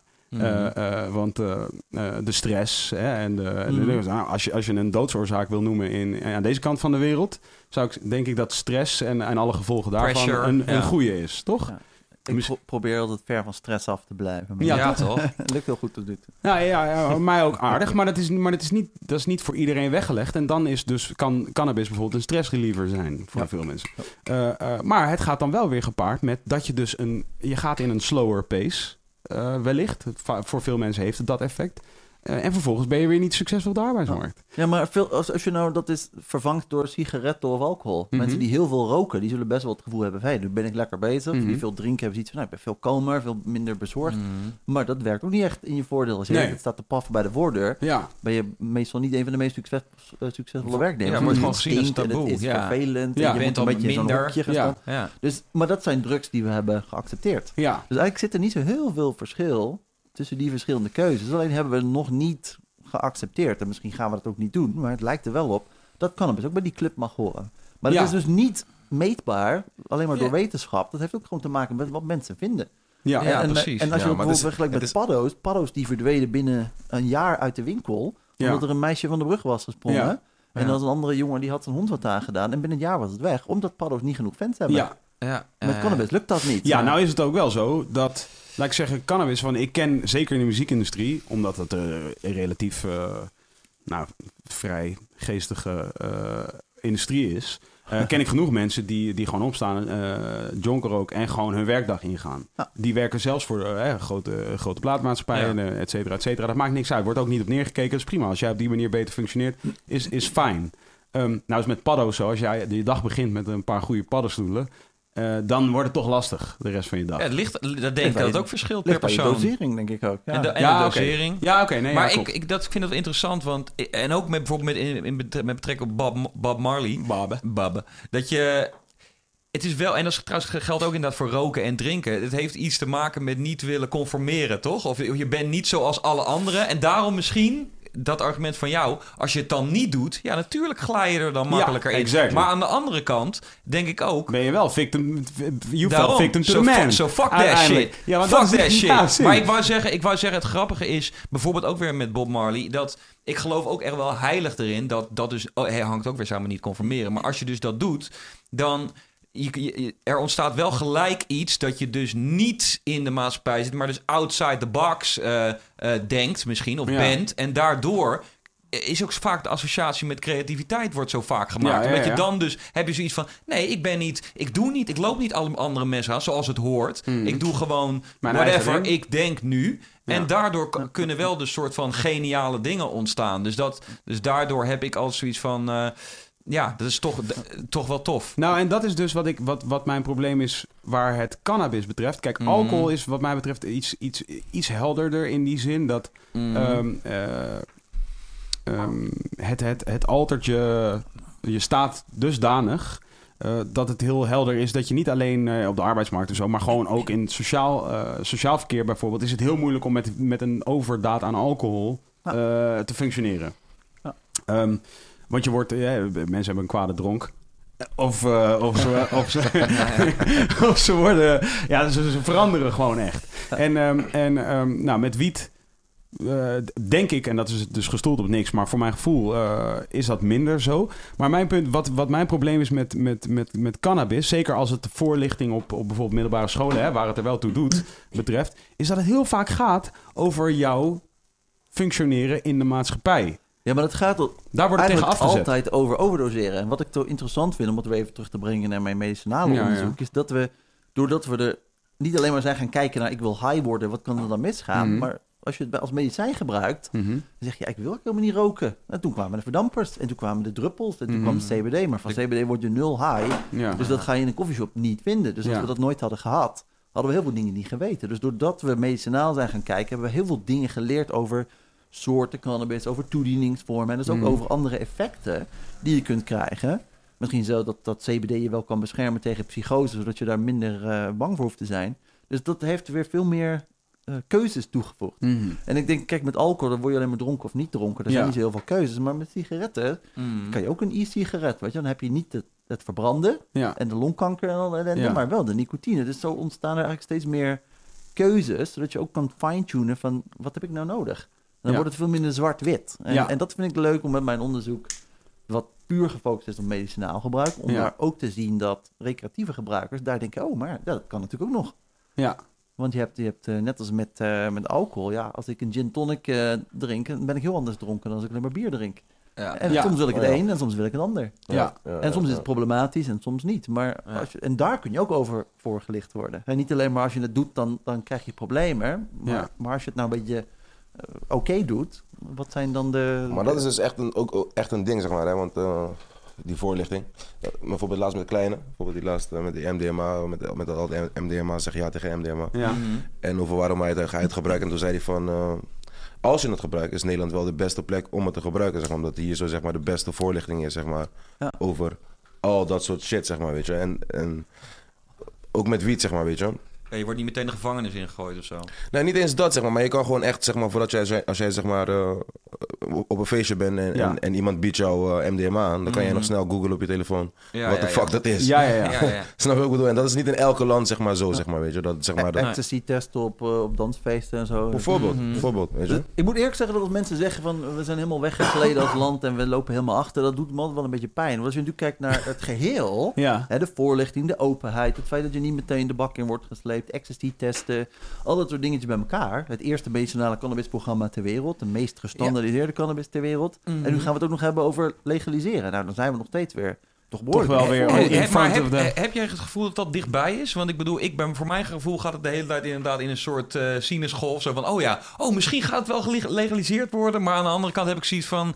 Inderdaad, waar, waar je ook misschien een beetje op toucht. Er moet een hele, hele periode van tijd overheen gaan voordat het überhaupt gebeurt. Dus heb jij enig idee dat of dat, dat, gevoel dat, dat, dat dat er wel aan zit te komen dat het gelegaliseerd gaat worden? Super veel dichterbij dan ooit, denk ik. Oké, oké. Maar weet je, mensen gebruiken vaak voorbeelden van wat ze lezen. Zeg je, ja, maar Uruguay heeft het al drie jaar geleden ge, ja, ja, ja. gelegaliseerd. Zeg, Ja, mhm. dat is wel zo. Maar vervolgens wilde niemand wat doen. Dus er is nog steeds geen zak geregeld. Dus het is op papier wel legaal. Maar de overheid Hè, dat was uh, een van de vertrekkende politicus, die had dat nog snel even als cadeautje er doorheen gelood. Mhm. En toen zei het parlement, ja dag, dat gaan we echt niet doen. dus iedereen in, in, Uruguay die, die mocht het wel, maar kon het niet. Nee, okay. Maar als jij het dan hebt over medische, want dat vond ik wel interessant dat je zegt van oké, je, weet, je trok het dus inderdaad wat meer een soort meta van oké, wat is eigenlijk medicinaal? Van daar, daar moet je dan ook eerst, dat moet je ook eerst zien te definiëren. ik bedoel op meta trouwens, het uh, goed woord. Ja. Ja, toch? Want als jij namelijk, want ik moet Wat betekent meta? Voor de meta-analyse. Eventjes, uh, gewoon in de grote... Even naar een hoger niveau en even neerkijken. Ja, vanaf een wolkje. Want als oh, jij bijvoorbeeld gaat naar... Um, überhaupt hoe... Uh, wij, zijn, wij zijn in die zin... Ik moet dan altijd denken aan mijn vader... die dus uh, komt van de Molukken. Mm -hmm. En die wel eens gewoon dan zegt tegen mij van... Ah, we zijn hier in dit land veel te ver af van de natuur. We weten niet meer wat we doen. Daar, waar ik vandaan kom, wassen we gewoon in een rivier.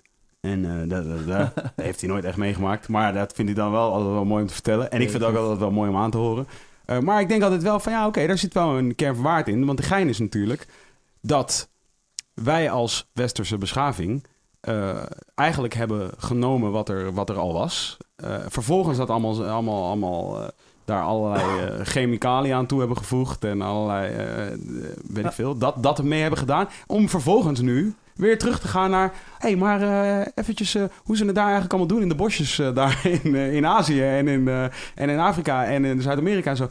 Wat ligt, uh, misschien zit daar toch wel meer in dan we oh. denken. En dan, als je het dus hebt over medicinale werking en dus over, over misschien wel dat voorkomen beter is dan genezen. En dan kom je eigenlijk dan dus wel weer op Bob Marley en mijn, mijn aanvankelijke vraagstuk. Is van, zouden we niet gewoon met z'n allen wiet aan het roken moeten zijn al vanaf dat we baby zijn? En zijn we, zijn we dan niet gewoon misschien veel chiller als hele maatschappij? En dan, ja, maar niet om de reden voorkomen is beter dan genezen. Maar ik geloof wel dat we op een punt zijn gekomen dat niet alleen alle medicijnen zijn heel synthetisch. En dus je weet eigenlijk niet meer zo goed. Ja. Ze hebben alleen al namen die je niet kan uitspreken. Mhm. En ze doen allemaal dingen in een bijsluiter die zo lang is. Maar het ergste is denk ik dat als je in de moderne tijd ziek bent, dan mag je bijna niks meer bepalen. Je wordt als een soort van kapotte auto doorgelicht en bekeken van. En dan wordt voor jou bepaald. Welk onderdeel erin Wat je moet doen. En ja. eigenlijk het enige wat je nog moet doen is drie keer per dag die pil in je mond eh, stoppen en doorslikken. Ja. En dat is iets wat ik wel heb geleerd in de VS toen ik bij die dispensaries op bezoek ging. Mhm.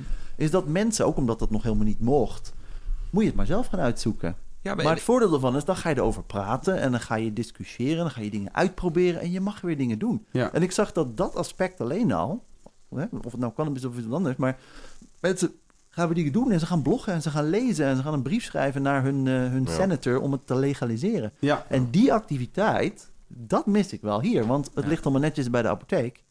Dus voor die mensen is het weer gewoon terug naar, de, ja, naar hoe het was. Namelijk, je mag drie keer per dag je dosis innemen. En ik zou graag willen zien dat patiënten daar meer een rol in mogen spelen. En dan kom je dus eigenlijk uit bij die patiënten die volgens de dokter niet ziek genoeg zijn, Maar die het toch aan het doen zijn of, thuis. Of bij de shop. Want, dat, want mensen die naar de shop gaan, doen eigenlijk aan zelf medicatie. die bepalen die, het zelf. Die mensen dus, ja. Ja, ja, Die, ja. die niet bij de dokter kunnen. Omdat Ja. de dokter, die wil ze niet, want ze zijn niet erg genoeg. Dus de apotheek, dat kan niet. En die Mhm. mensen zijn ook een beetje bezig met nieuwe ontwikkelingen. Namelijk, ik wil het zelf kweken. Mhm. Social clubs, hè. Ja, In Amsterdam zit de Tree of Life. En die zegt, ik vind shops eigenlijk ook niet fijn. Eh, ik vertrouw ze niet helemaal. Er is altijd wel wat aan de hand. Ze hebben nooit de producten die ik wil. Het verandert. Mhm. Ik ga het zelf doen. Dus je Ja. krijgt een tussenvorm tussen de koffieshop en de apotheek. Van mensen die het, eh, ja, die ook... En waar gaat het om? Kwaliteit. Ja. Meetbare kwaliteit. Daar gaat het de hele tijd om. Ja, ja, ja. Mensen willen gewoon eindelijk eens een keer weten wat zit erin. En het is hetzelfde met alcohol. Als je slechte alcohol drinkt, kan je blind worden of doodgaan. Je leest af en toe wel zo'n artikel over, eh, over India of Turkije... dat er 23 mensen op een bruiloft zijn doodgegaan. Slecht Mm. gestookte alcohol. Eh, maar je wil ook niet dat als je denkt van... hé, hey, ik geef lekker veel geld uit aan een sterke drank... en er zit er maar heel weinig in. Dus dat hebben we geregeld met Ja. alcohol. Dat kan met cannabis natuurlijk Ben je het in die zin Ja, eens met mijn ja. vader dat, je, dat, dat wij te ver van de natuur afstaan? Ja, ik denk dat mensen dat voelen in de zin van... we moeten weer holistische medicijnen Mhm. gaan nemen. Dus mensen vinden het fijn omdat het een geschiedenis heeft. Ja, ayahuasca. De- Precies, dat soort dingen. eh, Iboïne, dat soort, dat soort zaken. Maar ook omdat er allerlei stofjes tegelijkertijd samenwerken.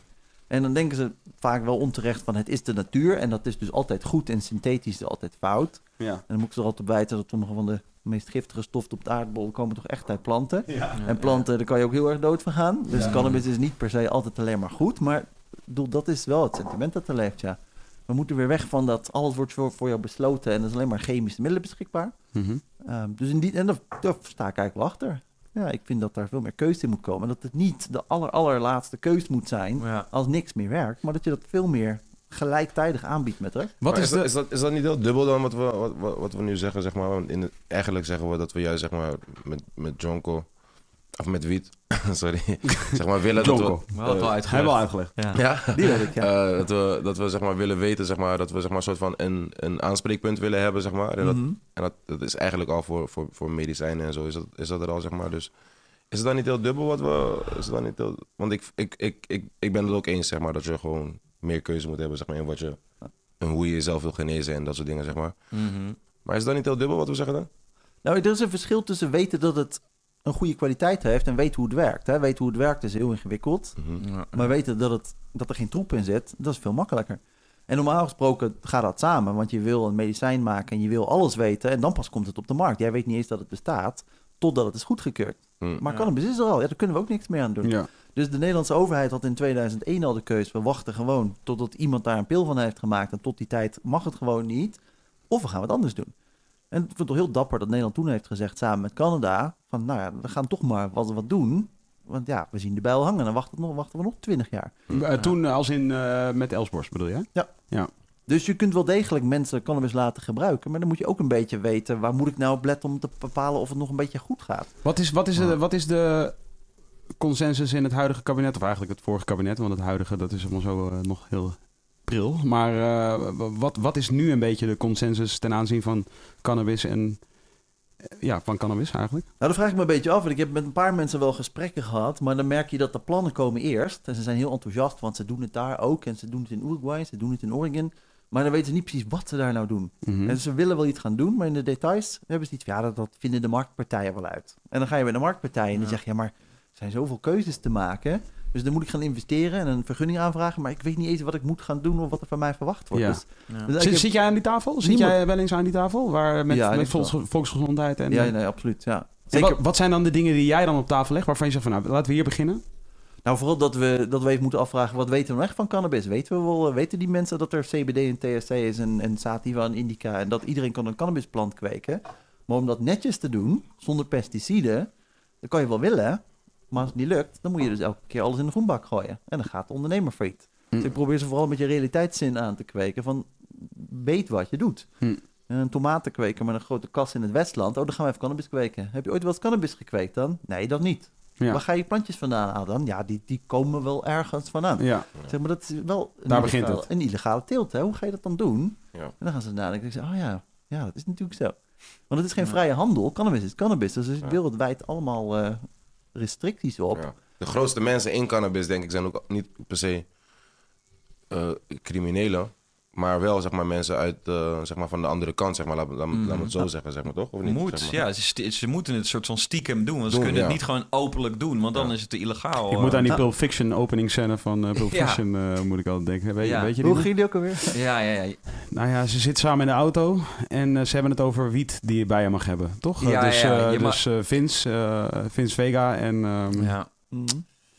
Samuel L. Jackson, zijn karakter in de film, ik weet even niet hoe die heet. Mm, maar de openingsscène van Pulp Fiction en dan is Vince Vega is net in Amsterdam geweest.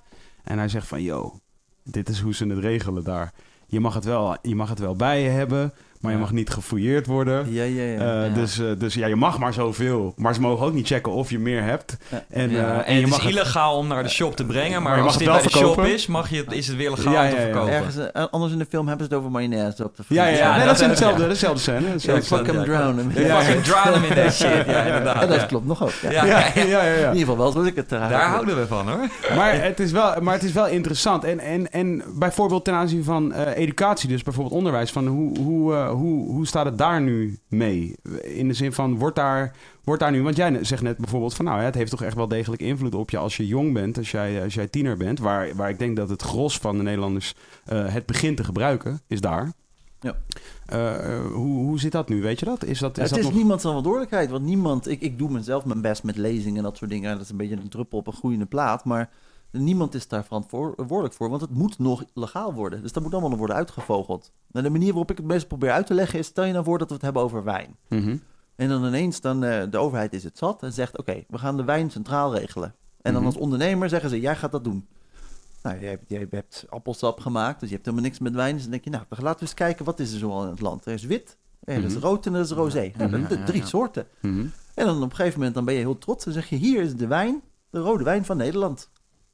Ja. Ja. daar kun je natuurlijk wel donder op zeggen. Dat heel veel mensen zeggen, die lust ik niet. Ja, ja. Ja. En dan kan je meten wat je wil, maar smaak kun je niet zomaar even in een laboratorium meten en dan de lekkere wijn gaan maken. Je zult met die mensen moeten gaan praten. ja. En dat vind ik dus ook met cannabis. Dat als we inderdaad een heel systeem in gang gaan zetten om mensen in feite van een product te voorzien wat ze lekker vinden in hun mond, maar ook in hun hoofd, Mhm. hè, gewoon de psychedelische effect, ja, dan zul je toch moeten afvragen, welke smaakjes moeten we dan hebben? ja. Want dan ga je allemaal heel technisch met allemaal grote ke- kwekers en kassen en, en vergunningen dingen zitten maken, maar nie- die niemand wil. Waar niemand op zit. En dan gaat het ook niet werken. Dus die, die, die technische aanpak samen met, met gewoon heel veel vragen stellen en en een soort van antropologisch begeer, Mm. proberen te begrijpen van wat is dat dan allemaal? ja. Ehm, dat, dat lijkt me een uitdaging. Ja, daar moet je naartoe uiteindelijk. Ik Ja, moet ik- even mijn, eh, mijn oog... eh, zit, er zit cannabis in mijn oog. Ah, ga, eens even, ga eens even fixen. Ja, ik het vragen... vliegt door de kapperszaak ook, Wat, wat, mij, ja, wat mij zo moeilijk lijkt, eh, en eh, dat zei ik net ook al een beetje, bij zo van, bijvoorbeeld bij paracetamol is wel echt bepaald van, oké, je neemt paracetamol en inderdaad, eh 9 van de 10 gevallen gaat dan je, je koppijn weg. Maar wat mij zo moeilijk lijkt, en wat ik ook merk aan mensen die bijvoorbeeld smoken, is dat het effect zo verschillend is. Zo van, is, kan je echt zeggen van, oké, die, die wietsoort die bijvoorbeeld helemaal clean is op een bepaalde manier, heeft in 9 van de 10 gevallen dat effect op alle mensen. Of, of- ja, want ik merk wel dat zeg maar één wietsoort zeg maar op 10 mensen 10 verschillende effecten heeft Ja, maar vaak. wat wiet, wat wiet doet, is zeg maar, wiet, wiet, wiet versterkt zeg maar, de, de, de, de mood zeg maar, waar je al in bent. Zeg maar. En ik Ja, denk dat ja, dat zeg maar, verschillend is per persoon. Dus ja, als dus- jij zeg maar, nu blij bent, dan word je blijer. Als ik boos ben, dan word ik bozer. En als... En als je hoofdpijn hebt, word je hoofdpijner. ja, ja, ja, maar je vra- dan vraag je dus af. Is Daardoor Ja, maar dat is- maakt het dat niet soort onmogelijk om een soort van één, één soort wietsoort te maken waar mensen over het algemeen hetzelfde op reageren. Nee, want, want wat, er, hè, wat jij zegt over je, over je, eh, je bui en je Ja. gemoed, dat, dat is één ding. Dat klopt, dat denk ik ook dat het klopt. Hè. Wat je al Mhm. bent, dat word je meer met cannabis. Maar als je natuurlijk, als je niet helemaal goed werkt, je bent ziek, of je hoofdpijn of chronische pijn of MS, Mhm. dan probeer je een defect meer in balans te brengen. Dus dat is echt iets wezenlijk iets anders. en hoe onderzoek je dat normaal? In klinische studies. Ja, precies. Dus Dus, dat staat helemaal los in dat van het psychedelische effect. eh, eh, Soms gaat het een beetje samen. Als je depressief bent en je bent een beetje psychedelisch, is dat misschien voordelig. Dan is ja, hij wordt helemaal niet eng. Maar het punt is, een klinische studie moet je wel plannen mhm. en betalen. Ja, het is peperduur stuk Ja, eh, ja, om te doen. Heel veel mensen zijn erbij betrokken. En wat is dan het probleem bij cannabis? Is dat niemand heeft het patent op cannabis. Je kunt er natuurlijk wel allemaal ingewikkelde pillen en poeders van maken. Maar daar Mhm. zit de mensheid niet op te wachten. Dat is ook geprobeerd. Er zijn een paar middelen, maar die zijn helemaal niet zo succesvol. Want de mensen wil wiet. Ja, precies. Maar welke Ja, wiet ja. ga ik dan testen? Want ik weet niet eens hoeveel er zijn. Ja, En dan ga ik ja, het op eh, kanker testen. Maar er zijn wel honderd Mhm. soorten kanker. Dus oh ja, want dit is, dit is dat bijvoorbeeld... krijg je dit- gewoon niet georganiseerd. eh, eh, Er is mij ook, mij ook wel eens verteld dat het een kankerremmer is, cannabis. Ja, maar dan zeg ik altijd, oké, stel je voor, hoeveel soorten kanker zijn er? Ja. 100 soorten kanker, Mhm. minstens. Hoeveel soorten Ja. mensen zijn er? Oud, jong, man, vrouw? Vijf. Hoeveel soorten cannabis zijn er? 700. Ja. Nou, dan ga je nog even door. Dan zeg je vermenigvuldig die getallen met elkaar. Ja, ja, ja. dat dat zijn alle opties. 10 miljoen. Ja. Er zijn 10 miljoen combinatiemogelijkheden. Ja, dan ga ja. jij mij zitten vertellen, doordat jij bij jezelf wat hebt gedaan, dat jij weet wat ik nodig heb. Ja, ja. Dat kan dus eigenlijk niet. Ja. dat wil Nee, ook niet zeggen dat dat het moeilijker. nonsens is. Ja. En, en de oplossing is klinische studies. Maar Ja, ja, ja. wie gaat dat dan betalen? Ja, ja, Ja. ja, ja, Want normaal gesproken wordt een middel ontworpen door een farmaceut. Mhm. En die stopt daar gemiddeld echt honderden miljoen in. Hè? Want het ene winnende medicijn dat ook op de markt komt, moet betalen voor al de medicijnen die het niet redden. Mhm. Die rekening wordt wel betaald. Ja, ja, ja, ja. Dus dat kost, eh, nou, ik geloof dat de laatste schattingen iets van 500 miljoen zijn of zo. Maar het voordeel is, dan is het wel van mij. En dan kan ik het gaan verkopen. Mhm. Maar als Dus je, dit dat met, is je plan. als je dat met kan... Ja. Mag ik... Wacht, ga, ik ga even met de collectezak. Ja, toch? Maar dat is dus het punt. Niemand gaat die rekening voor cannabis betalen. Want dan, dan doe jij het onderzoek en dan zegt iedereen... Dankjewel, nou, mijn wiet is ook goed voor hoofdpijn. Ja, ja, Dus ja, ja. Er Dat is gebeurt geen ook echt letterlijk niet gewoon. Er is niet... Dat, hele kleine onderzoekjes. Maar wat gebeurt er dan? In Canada doen ze met hun eigen cannabis onderzoek gerookt op hoofdpijn. Ja, in Nederland doen ze met een andere cannabis verdampt op Oh, ja. hoofdpijn. En in Israël gaan ze het nog eens een keer nadoen met geïsoleerde THC in een pilletje. Oh, ja, ja, ja. dus ja, het zijn appels en peren. Dus elke Ja, medicus zal zeggen, ja, maar 1 en 1 en 1 is gewoon 1. ja. Twee- Ja, ik, ja, heb, niks- ik, heb, niks ik, heb, mee. ik heb twee vragen. Mhm. Mhm. Wat is, het, wat is de beste manier, zeg maar, want je hebt nu al die vaporizers en dat soort dingen ook. Wat is de beste manier, zeg maar, om de cannabis, zeg maar, tot je te nemen? Hoe zeg je dat? Te nuttige. Te nuttigen. Ja. Met een verdamper? Nee, gewoon in, in wat vind jij? Wat is wat in het, over, in het algemeen, zeg maar. Was het minst schadelijk? eh, niet, eens, zeg niet, eens, niet eens minst schadelijk, of tenminste, of misschien ook, misschien Mhm. twee vragen. Minst schadelijk en waar word je het meest stoned van? Nou, als je, er is natuurlijk een verschil tussen hoe word ik zo lekker mogelijk high... en hoe krijg ik zo efficiënt mogelijk vermindering van mijn medische klachten. Hè? Want Mhm. er zijn eigenlijk twee hoofdmanieren om het in te nemen. Dat is het doorslikken. In wat voor vorm dan ook. Spacecake, pilletjes of, eh, of cannabisolie. Mhm. Maar dat duurt het heel lang. Dat moet allemaal door al je darmen en gedoe. En dan gaat het door je lever. Er gebeurt van alles mee. Dus het duurt minstens een uur. En dan krijg je bepaalde soort van stofjes in je, in je lijf. Nou, dan kan je... dus als coffeeshops zeggen van, eh, als je deze spacecake eet, over een half uurtje ben je stoned, dan is dat...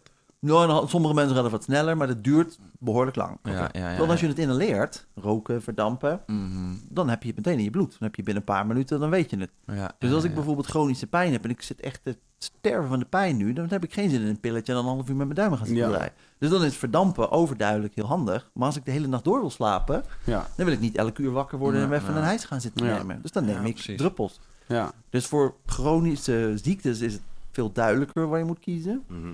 En een van de nadelen van doorslikken is, ja, als je het in je systeem hebt zitten, ja, dan moet je de rit ook uitzetten. hè. Dat is een bekende Ja, eh, ja, ja. spacecake verhaal. Ja, Ja. ja, ja. Met verdampen neem je een trekje, je wacht even, Ja. Ja. nou nog eentje, Ja. oh, kom ik in de buurt. Doseren is makkelijker, Het als het doseren. ware. Ja, dus ja. het is de, de, hoe snel het werkt, hoe lang het werkt en hoe Mhm. makkelijk je dus ook kan doseren. Ja, ja, En, ja, en dat zijn eigenlijk de twee hoofdkeuzes. Ehm, ik ben zelf eh, ooit ik heb eh, studies gedaan naar cannabis thee, want dat was in het begin, eh, zei de overheid, eh, hè, liever niet roken, want dat is als medicijn natuurlijk niet zo, niet zo verstandig. Dus Nee, nee. wat moet je dan doen? Nou, zeggen ze, dan moet je er thee van maken of je moet het verdampen, Mhm. want er waren nog geen cannabisolie en zo. En toen vroeg ik, ja, maar wat gebeurt er nou eigenlijk als je cannabis thee maakt? Ja. Ze zeggen, ja, dat weten we niet, maar het is wel gezonder dan eh, roken, toch? Oh, ja, ja, Ik zeg, ja, nee, niet als je alleen maar vies groen water zit te drinken. Er zit niks in. Dan ben je gewoon... Je, je kan, je kan hem eens aan het verknallen. Dus ik heb een hele studie gedaan in het lab. En een heleboel soorten theetjes gaan maken. Hè. Lang koken, kort koken, meer cannabis, minder Mm, cannabis. Oh ja. En toen op een gegeven moment, dan neem ik een klein sample. En de rest heb- heb- ik- Sorry dat ik onderbreek. Heb je dan iemand die daar zo dan zit en dan steeds dat... dat Nou, nee, niemand... Ja, nee, je neemt een sample. Dat is gewoon puur bedoeld voor de analyse in dat lab. Maar En toen dat- dacht dat- ik... Er zijn geen testpersonen, dat is wat hij Ja, bedoelt. nee, nee, precies. Maar dat, daar ga ik naartoe. Maar Oh. toen dacht ik ineens, toen ik het de zevende keer door de gootsteen gooide... wat ik niet nodig had, dacht ik... Ik weet eigenlijk helemaal niet wat dat doet. Ja. Dus dacht ik eigenlijk gewoon een beetje stom. Ja, ja, ja. Dus ik dacht, ja, ik heb straks, ik zat al bij de duikvereniging, de studentenduikvereniging. Ik moest een EHBO-cursus gaan doen, dat moet je elk jaar. Oké, ja. Ik dacht, nou, ik ga dan eerst nog bij iemand lasagne eten en zo. Weet je, ik neem gewoon zo'n kopje, wat kan dat nou voor kwaad? Ja, ja, dus ik neem zo'n kop cannabis thee Ja. en ik drink dat op. Het is een beetje vies, een beetje grassig. Dus ik neem even een snoepie. Oké, hup. Lasagne eten en naar de EHBO-cursus. Dus ik zat lekker met allemaal mensen te eten en zat weer op de fiets naar die cursus. En ik was het helemaal vergeten. Ik heb mijn fiets op slot. En er komt ineens een tsunami van highheid over me heen. Echt van 0 tot high in 5 seconden. Ja. Dus ik verzin snel even een excuus en ik duik in de wc. En ik denk, oh mijn god, mijn hart gaat ontploffen. Ik heb een Ja, hartaanval. ja, wat erg, ja, wat gevaarlijk. wat Op zich gedijt de haai heel goed onder water. Nou, Oh ja. ik hoefde gelukkig niet onder water, maar ik heb dus in, bij die EHBO-cursus gezeten. En ik Ja. durfde geen woord te zeggen, want ik had het gevoel dat alles wat ik zei heel hard klonk. Ik had helemaal geen terugkoppeling meer. Hmm. Dus ik probeerde me zo, eh, zo stil mogelijk te gaan. Maar dan ga je natuurlijk zitten, zitten giechelen. En dat, Ja, ja, ja, ja. dat was het langste uur van mijn leven, ooit. Maar, dit- maar, die, maar die thee was meteen goedgekeurd, zo van die werkt. Dat wel. En toen moesten we opstaan en toen moesten we van die poppen gaan eh, reanimeren. En toen was het precies net was het over. Oh, dus ik beter. ben net aan ontsnapt. Oh, ja, ja, ja, beter, beter. Heb, heb, jij, heb, jij wel eens, eh, heb jij wel eens slechte hijs gehad van, eh, van John? Eh, in het begin. In het begin, iedereen, ik denk dat iedereen die rookt wel zeg maar eh, een, een, een bad trip heb gehad, zeg maar. En, eh, en eh, ja, in het begin heb ik dat wel een keer gehad, man. Eén of, twee, één of twee keer gehad, man. En dan, eh, ja, dan, wat hij zegt, dan, gaat je, dan lijkt het alsof je, alsof je dood gaat. Ja. Ehm, maar that's it, man. That's it, man. Ik heb, Heb, jij, heb jij in eh, recente geschiedenis wel eens, ben je wel eens een hele dag nuchter geweest? Of een week bijvoorbeeld? Jawel, als ik op vakantie ga. Ik ga dan ook eh, gewoon alleen vijf, vijf dagen max. Max op vakantie. ja, dat. maar op vakantie, op vakantie eh, is wel eh, zeg maar het soort van twee of drie keer per jaar dat ik dan... Ja, dat werkt, werkt dat goed, want je, wordt ook, je bent ook in een andere omgeving, toch? Je bent niet in ja, je ik ben, niet bezig, ik ben niet bezig dan zeg maar Ja, met, met, met wiet zeg maar. Weet Ja, je? je bent dan gewoon nieuwe dingen aan het zien en, en Ja. je bent elke dag weer je dag aan het en- inplannen met allemaal nieuwe dingen. En je bent gewoon moe aan het einde van de dag. Mm. Dus je kan ook slapen. Dus ik kan gewoon slapen zeg maar, weet je. Ja. En misschien Merk je ook dat, dat, dat je bijvoorbeeld ineens meer dromen krijgt? Of dat de dingen anders Ja, ik droom zijn? dus niet. Ik droom, dat is ook een vraag die ik wil stellen. Ik droom helemaal niet. Ja, dat hoor Nu ik niet. vaker. Als je Nee. cannabis gebruikt, dan, dan droom je niet meer. Ja, dat, eh, dat ken ik ook. Ja. Als je, als je- je droomt best wel gewoon, fijn. Best wel je fijn daydream, toch? Dat, is de, dat is het, ook, wordt ook vaak gezegd, toch? Je bent eigenlijk de hele tijd, je hele Dat wakker ben je aan het dromen, Dat toch? is, dat is misschien, ja. Daar geloof ik ook wel in. ja, je, ziet, dus je ziet de hele tijd die kaleidoscoop. eh, je bent eigenlijk constant in die soort kaleidoscoop-achtige. Ja, toch. je weet toch, de- zo'n apparaatje waar je die Ja. zo van die Ja. geometrische vormpjes maakt met... eh, met eh, Oké. Ja, dat is En, perfect. en, en, en nog een perfect vraag. way to live. Want zeg maar, je hebt, je hebt, je hebt ook van die eh, paarse wietjes en, en dat soort dingen, zeg maar. In hoeverre is dat, zeg maar, eh, hoe komt dat? Zeg maar? Is dat zeg maar gewoon, is dat, is dat een goede wiet? Of, of, want ik heb mij laten vertellen dat het zeg maar komt door, als wiet dan zeg maar eh, in een soort koude, Mm. koude omgeving zeg maar gaat, eh, gaat, eh, gaat drogen. Dat het dan, dan gebeurt, zeg maar. Maar hoe? Ik ben zelf van mening dat dat gewoon losse eigenschappen zijn die je, hè, net als met tulpen, je hebt ze in allerlei vormen en allemaal kleuren. Je kunt elke kleur en elke vorm met elkaar combineren als je maar een beetje slim kweekt. Mhm. En volgens mij zijn er heel veel verhalen ontstaan over als het paars is, doet het dat. En als het Mm. zo ruikt, dan doet het dat. Maar ik denk dat het gewoon toevalligheden zijn. Ik ben ervan overtuigd dat, dat je de THC-CBD-gehalte, het sativa indica-gehalte en, en de vorm van de plant en de kleur... Als we maar gewoon echt als landbouwdeskundigen dat allemaal gaan uitzoeken... dan kan je alles met alles combineren. Dus, dus, dus wat, je, wat je zegt is... Als je naar een shop gaat of je bent bij iemand thuis en je ziet wiet liggen... en diegene vertelt jou een verhaal gebaseerd op het uiterlijk ervan... of de geur ervan, of, of eh, ja, op de uiterlijk of de geur ervan... of de smaak ervan, dat zegt helemaal niks. Nou, hoe ik dat... Als, als ik dan mijn hele ervaring kijk en dan samenvat van alles wat ik eh, van aan dit soort gesprekken heb gehad, dan, dan denk ik dat wat mensen zien, hun observaties, daar twijfel ik niet aan. Als mensen echt heel consequent zeggen als ik dat zie, dan gebeurt er dat. Mhm. En zeker als grote groepen mensen dat zien, ja, wie ben, eh, of- of- ja, wie ben Ja. ik dan om te zeggen dat het niet klopt? Ja. Ja. Maar de verklaring, dat knippen en plakken ze een beetje bij elkaar van, van allerlei oude boeken eh, eh, over cannabis en websites en dat soort dingen. En dat Ja. klopt meestal niet. Oh ja. Dus ik vind het heel leuk om, te, om wel te luisteren van, oké, wat heb je nou precies te vertellen? Ja. Oké, heel interessant. En dan gaan ze mij vertellen hoe dat dan zit. Dan zeg ik, nee, dat denk ik nou niet. Mhm. Maar ik ga dat niet, eh, niet keihard zitten beweren. Dan zeg ik, hey, net als de Mythbusters, Ja, ja. de Cannabusters, eh, noem ik mijn, mijn team wel eens. En dan zeg ik, we gaan het gewoon testen. De Ja, Cannabusters, leuk. yes. Stel je voor dat het wel zo is. Ja. Ik denk van niet, maar we gaan het wel testen. En, eh, Je zou, je, jij verdient echt zo'n show trouwens. Ik Ja, het In. Nederland op Discovery. Er moet, er sowieso een act zijn dat de Cannabusters heet, inderdaad. Dat is ja, inderdaad. de, Ja, de ja. Cannabusters. Food for thought.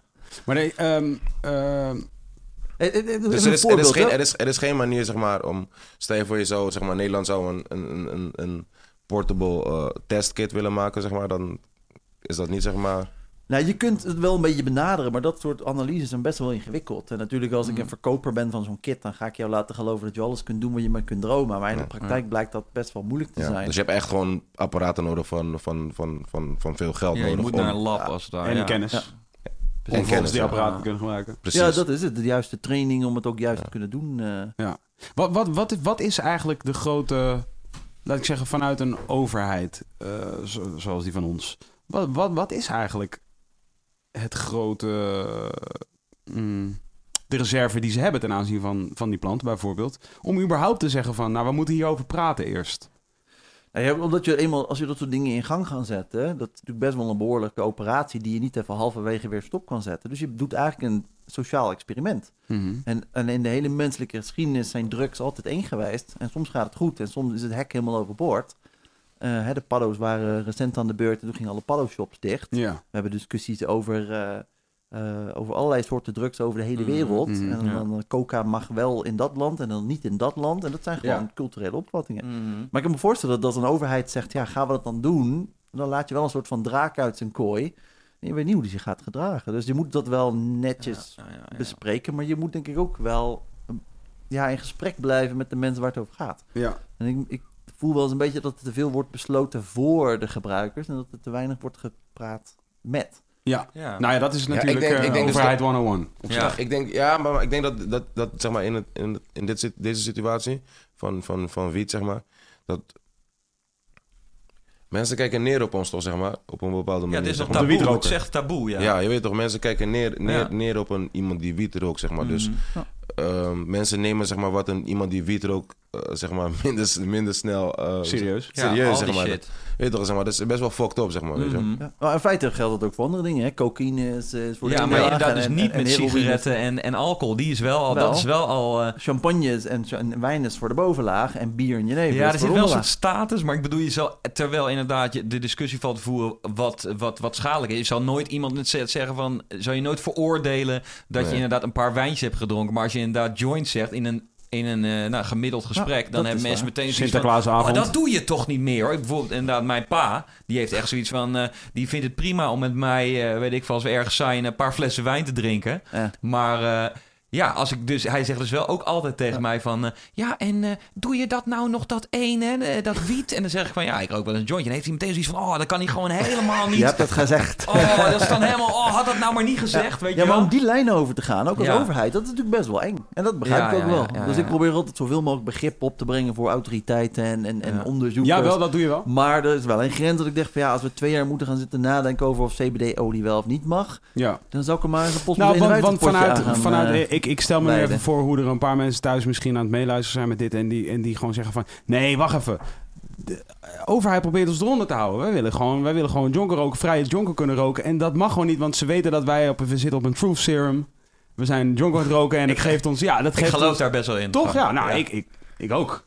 Nou, ja. ik, en ik ook niet eens. Ja, maar mensen, kijk, als je natuurlijk in zo'n periode leeft, dan lijkt alles eindeloos te duren en onnodig lang te zijn. Maar als je natuurlijk kijkt, 20 jaar geleden was er helemaal nog niks in beweging. Maar ik, en cannabis is een heel eind gekomen wereldwijd. Hè? Dat is in, Nederland zijn we eigenlijk een beetje aan het meegaan met die stroming, maar we zijn al lang niet meer alleen. Wat ja, het is uh, sowieso, is dat, is dat, inderdaad vind ik ook, is het altijd goed om natuurlijk de positieve kant uit te lichten. Maar ik zat ook te denken, weer aan het re revolutionaire in verbindenis met met drugs. Ik bedoel, pak de 60 jaren, en dan is het misschien niet Jonko, maar andere drugs. Dat was wel de periode dat alle uh, verschillen of uh, maatschappelijke veranderingen ook te praten, weet ik veel, de, de vrouw, vrouwenrechten en noem maar nog maar een aantal dingen op. Zo van, dan denk ik van, ja, misschien is het wel ook eng inderdaad voor de overheid om daar een soort oké op te geven. Want dan hebben ze zoiets van, ja kut, dan hebben we een revolution on our hands, weet je wel. Ja, dat speelt allemaal ongetwijfeld een beetje een rol.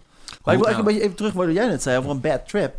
Want, want het was al jaren geleden dat ik... Ik was nog helemaal niet zo lang bezig met dat onderzoek. En toen zei mm. een van de, de, personen waarmee ik werkte... Dat was een directeur van een laboratorium...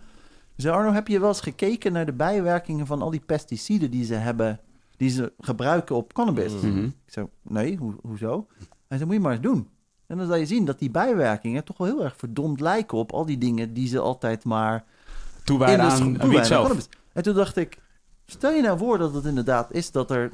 Er zit vaak pesticiden op cannabis, dat weten we. Dat was mm. toen ongetwijfeld ook wel het geval. Mm. Elke keer als jij een bad trip hebt en je eindigt in het ziekenhuis... zal er nooit iemand zijn dat is de pesticiden. Mag ik jouw cannabis even hebben? Want die ga ik laten testen pesticiden. Nee, dat is de cannabis. Dus dat is de vloek van als het verboden is, ga je dus ook geen genuanceerde vragen meer stellen. En dat wil niet zeggen dat het klopt. Maar als je er heel neutraal over nadenkt. Het is eigenlijk Het is wel gewoon een hele interessante kwestie. Bad, bad Ja. trip is bad weed. Ja, het is een... Stel je dat- nou voor dat dat het geval is. En dus is Ja. inderdaad nog meer cannabis eigenlijk niet het probleem, maar wat Mhm. mensen uitspoken met cannabis. ja, ja, juist. Dus dan nuanceer je het probleem alweer een heel erg stuk. Hoe gek dat ze dat niet, dat daar inderdaad, dat jij dit zegt nu klinkt zo Maar- logisch en hoe maar gek dat wacht, dat niet eens ter sprake Dat- komt. Ik onderbreek je even, ja? Ja, is cool. Ik heb dan wel eens zeg maar van dezelfde joint gerookt met iemand. En dan heeft Mhm. iemand anders een bad trip gehad en ik niet. Ja, kan ook. Maar misschien heeft u al drie dagen daarvoor bad eh, shit eh, gerookt en jij pas die ene Oké, keer. Dus dat accumuleert. Hè? Ja, maar daar, daar- daarom, Ah, vraag, ja. daarom vraag ik het, zeg maar. Maar dat heb ik wel een keer meegemaakt. En ik zeg alleen maar, dit is een hypothese, maar dit is wat, ja. als je een cannabis midbuster bent, dan ga je de hele dag dit soort dingen zoeken. En je wordt er soms een beetje conspiracy theorie van. Ja, maar, ja. maar wel met het verschil dat je het mee- meten kunt. Ja. Dus je zou kunnen verzinnen dat als ik daar een keer tijd voor heb of iemand vindt dat leuk, dat Ja. hij naar dat soort ziekenhuizen gaat, dat hij dat soort mensen gaat opzoeken die een psychotische trip hebben van cannabis en die gaan zeggen, mag ik jou, eh, mag ik een plukje van jouw wiet? Want ik wil het wel eens een keer weten. Wa- Vind ik heel interessant. en dan komt er een antwoord uit. Wat, wat, wat, wat is... Wat is ehm, hoe, kweek, hoe kweek je de beste wiet, zeg maar? Is dat, zeg maar, is dat zeg maar door, door het zaadje? Of is dat zeg maar door, door, door de voeding? Of is dat zeg maar door, door het licht? Of is dat zeg maar door... zeg maar, wat is zeg maar... Stel je voor, stel je voor er, er komt zeg maar een manier dat, dat de staat zeg maar wiet gaat maken. Zeg maar. Hoe wordt die wiet dan gemaakt? Is, dat, zeg maar, een, is daar een soort van een, een bepaalde formule voor? Zeg maar, Perfect way. Ja. Nee, de staat gaat geen wiet maken, maar gaat partijen vergunningen geven om, dat te doen. hè? ja. Mhm. Dus dat zullen eh, tomatenkwekers zijn die iets wat anders willen gaan doen. Of eh, mensen met grote Ja, maar gebouwen. het is, toch, is toch heel gek ook, zeg maar, als je, als, de staat, als je de staat bent, zeg maar, dat je dan in een soort van in gesprek gaat met mensen die al heel lang, zeg maar, zeg maar zonder dat jij daarvan af weet, wiet aan het kweken zijn, zeg maar. Dus ja, dat is inderdaad gek. ja, maar dan, moet, dan kom je dus uit, inderdaad uit op tomatenkwekers en dat soort dingen. Weer mensen die helemaal geen shit weten van... van Tenzij van je natuurlijk toestaat dat als mensen wel wiet hebben gekweekt, maar niet eh, allerlei strafbladen hebben verzameld, dat ze gewoon in die Dat is ook een ding, ja. Ja, ja. werkzaam Maar dat is, ook nu, weer, on- eh, dat is ook weer oneerlijk op de een of andere manier. Ja. Zeg maar, Ja, dan kan ik ook dat- weer voorstellen, zeg maar, dat, dat Maar stel je nou voor, anders heb je 20 jaar stiekem wiet gekweekt en dan krijg je een vergunning. En dan heb je dus eigenlijk maatschappelijk signaal gegeven dat je de wet mag breken en dan krijg je een beloning. Precies. En dat is voor een weer, overheid. dat is ook weer, dat is ook, ja, Dus het is ook niet- dat is ook weer waar. Ik zag in? Amerika heb je nu natuurlijk dat in bepaalde, hè, dus bepaalde staten is het legaal geworden. Eh, en daar zitten heel veel mensen nog in de gevangenis, omdat ze ooit handelden in wiet. Precies. Eh, Ja, en ja, daarvan ja, wordt nu gezegd van moeten die dan nu Klopt, worden klopt, vrijgelaten. Maar, maar alsnog, om, om even Oh, ja. door te gaan op wat de hef zei, is, is het inderdaad zo dat als je de beste voeding, de beste licht en eh, al, die, al die attributen, als je dat doet, krijg je dan ook automatisch gewoon het beste product? Of is dat niet wat je onderzoekt, zeg maar? Nou, dat vergelijk ik dan weer eens een keer met wijn. Als ik eh, wijn wil gaan en ik wil de allerbeste Ah, ja. wijn ter wereld maken, dan is er niemand die mij een recept kan geven. Want het is natuurlijk een stukje de plant zelf, Mhm. maar ook wat ik er allemaal mee uitspook. Ja. Ja. En- en-. En, en, en, het, het weer, eh, de, Nou, de- samengevat denk ik dat het zo is dat, dat de, de cannabinoïde verhoudingen, ehm, die liggen vast in de genetica. Dus als je clones gebruikt, hè, zaadjes zijn altijd, zeg ik dan, broertjes en zusjes van elkaar. Dus die zijn niet Mhm. exact hetzelfde. Oh, ja. Maar clones zijn echt exact hetzelfde. Dus die hebben allemaal dezelfde, Mm. dezelfde potentie om bijvoorbeeld eh tien keer zoveel THC als CBD te maken. Maar de hoe, absolute hoeveelheid, dat ligt aan de voeding en hoe je hem vertroetelt in het licht en dat soort dingen. Dus ik denk niet dat je makkelijk met kweekconditie, laat maar zeggen, je CBD en je THC helemaal kan laten schommelen. Mhm. Maar die twee combinaties, dat geeft nog steeds natuurlijk niet een hele lekkere wiet. Want dat heeft ook te maken met hoe je het droogt en hoe je het verpakt en hoe je de terpenen wel of niet... eh Vanuit welk orgaan doe jij nu eigenlijk jouw onderzoek? Eh, nou, ik heb een lange geschiedenis van allerlei eh, verbindenissen met, eh, met universiteiten. Met de Bedelkan, de cannabiskweker. Daar was ik hoofdonderzoek en ontwikkeling bijna tien jaar lang. En nu doe ik het zelf. Eh, Ja, zo, helemaal eh, Ja, ik heb, particulier. ik heb een groot netwerk van allerlei partijen. En de, de ene help ik in het lab, en de andere geef ik onderwijs. En de derde help ik een, eh, een kwekerij opzetten. De vierde... dus je bent een commercieel voor eigenlijk. damper aan het ontwikkelen. Ja, daar verdien ik mijn geld. Maar ongeveer de helft van de tijd ben ik ook aan het reizen, aan het leren, aan het praten, aan het cursus geven en dat Mhm. soort dingen. En dat doe ik ook om mijn kennis te vergroten. Wat vinden andere mensen ervan? Ja. Dat is ook hier, weet je. Ik hoor allerlei dingen en, en, en, en kom op nieuwe ideeën. Ja, ja, ja, ja, dat- ja. dat hoort er misschien nog bij. Word, word eh. je, word, je wel eens, eh, word je wel eens gebeld door, zo, door iemand waarvan je dan met een, met een, nummer, met een privé-nummer, met een onder, een geheim nummer. Hey. Hallo, hey, je spreekt met eh, Harry. hey, ik hoor, je weet het een en ander over wiet. Elke dag, ja. Ja, serieus? Ja, Ja, dat- tuurlijk. Ja. Ja, en ook dat varieert van middelbare scholieren die een, profielwerkstuk willen maken. Oh, tot mensen met een briljant idee. Ik ga de beste CBD-olie ter wereld maken. Mhm. Denk ik, nou, dan ben je rijkelijk laat. Maar Ja. En sommige mensen, ik ben nu zover dat ik ook op een gegeven moment tegen mensen zeg: Weet je, sorry, maar dat heb ik al honderd keer gehoord. Dat, dat, dat, dat, heeft niet mijn interesse. Of je, hebt, je zit zo op achterstand en met jouw positie kan dat gewoon niet. Weet je mhm. wel? Uh, mensen bellen nu natuurlijk omdat ze vergunningen willen om aan die recreatieve teelt mee te gaan doen. Maar ook internationaal. Hè? Wil je een cursus komen geven? Wil je met uh, artsen in een bepaald land iets komen mhm. uitleggen over ons product?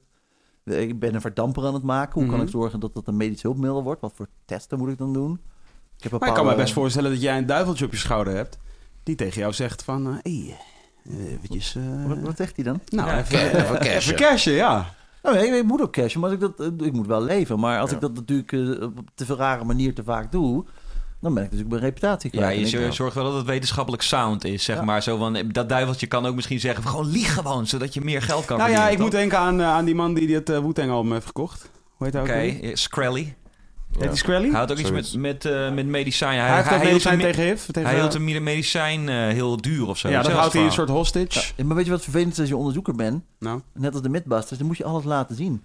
Je kan niet zeggen, het is zo, vertrouw mee maar. Want ze huren mij in om te zeggen, Arno, laten we dat nou eens even helemaal op tafel uitpluizen. En vertel mij nou eens in detail hoe dat zit. En dan ga dan eens een studie doen, maar dan wil ik wel het hele rapport waarin exact staat. Hoe heb je het gedaan? Wat heb je gedaan? Ja, ja dus, je dus- kan niet... Ja, nee, maar ik stel me jou nu even voor als die... Ik stel, ja, ik stel me jou nu even voor als die, als, als die soort... Uh, je hebt altijd van die... Uh, ik moet denken aan Wonder Woman. Uh, of nee, het Wonder Woman film laatst. Ik weet niet. zij is echt knap, man. Zij is knap, zij is Gal Gadot. En, en, en dan in die, in die film heb je dan... Uh, dan heb je dus zeg maar de grote bad guy. Maar die, de, de grote bad guy heeft altijd een professor uh, aan zijn zijde. Mm -hmm. die, wat natuurlijk het werkelijke brein is van de operatie. Dr. Evil. Ja, precies. Ja, ja. En, uh, ja, en die loopt ook gewoon binnen, natuurlijk. Die, die, die professor. daar gaat het uiteindelijk. Ja, Breaking, Bad is toch de beste, Breaking Bad is toch de beste voorbeeld van... Oh ja, die heb ik uh, in Breaking Bad niet gekeken. Ja, heb, je, niet gezien? Nee. Prachtige serie, ja. Moet je echt doen. Heb, heb je dat niet gedaan? Heb ik niet gekeken, nee. Vond ik, is allemaal te desolaat qua karakter. Kan ik niet aan.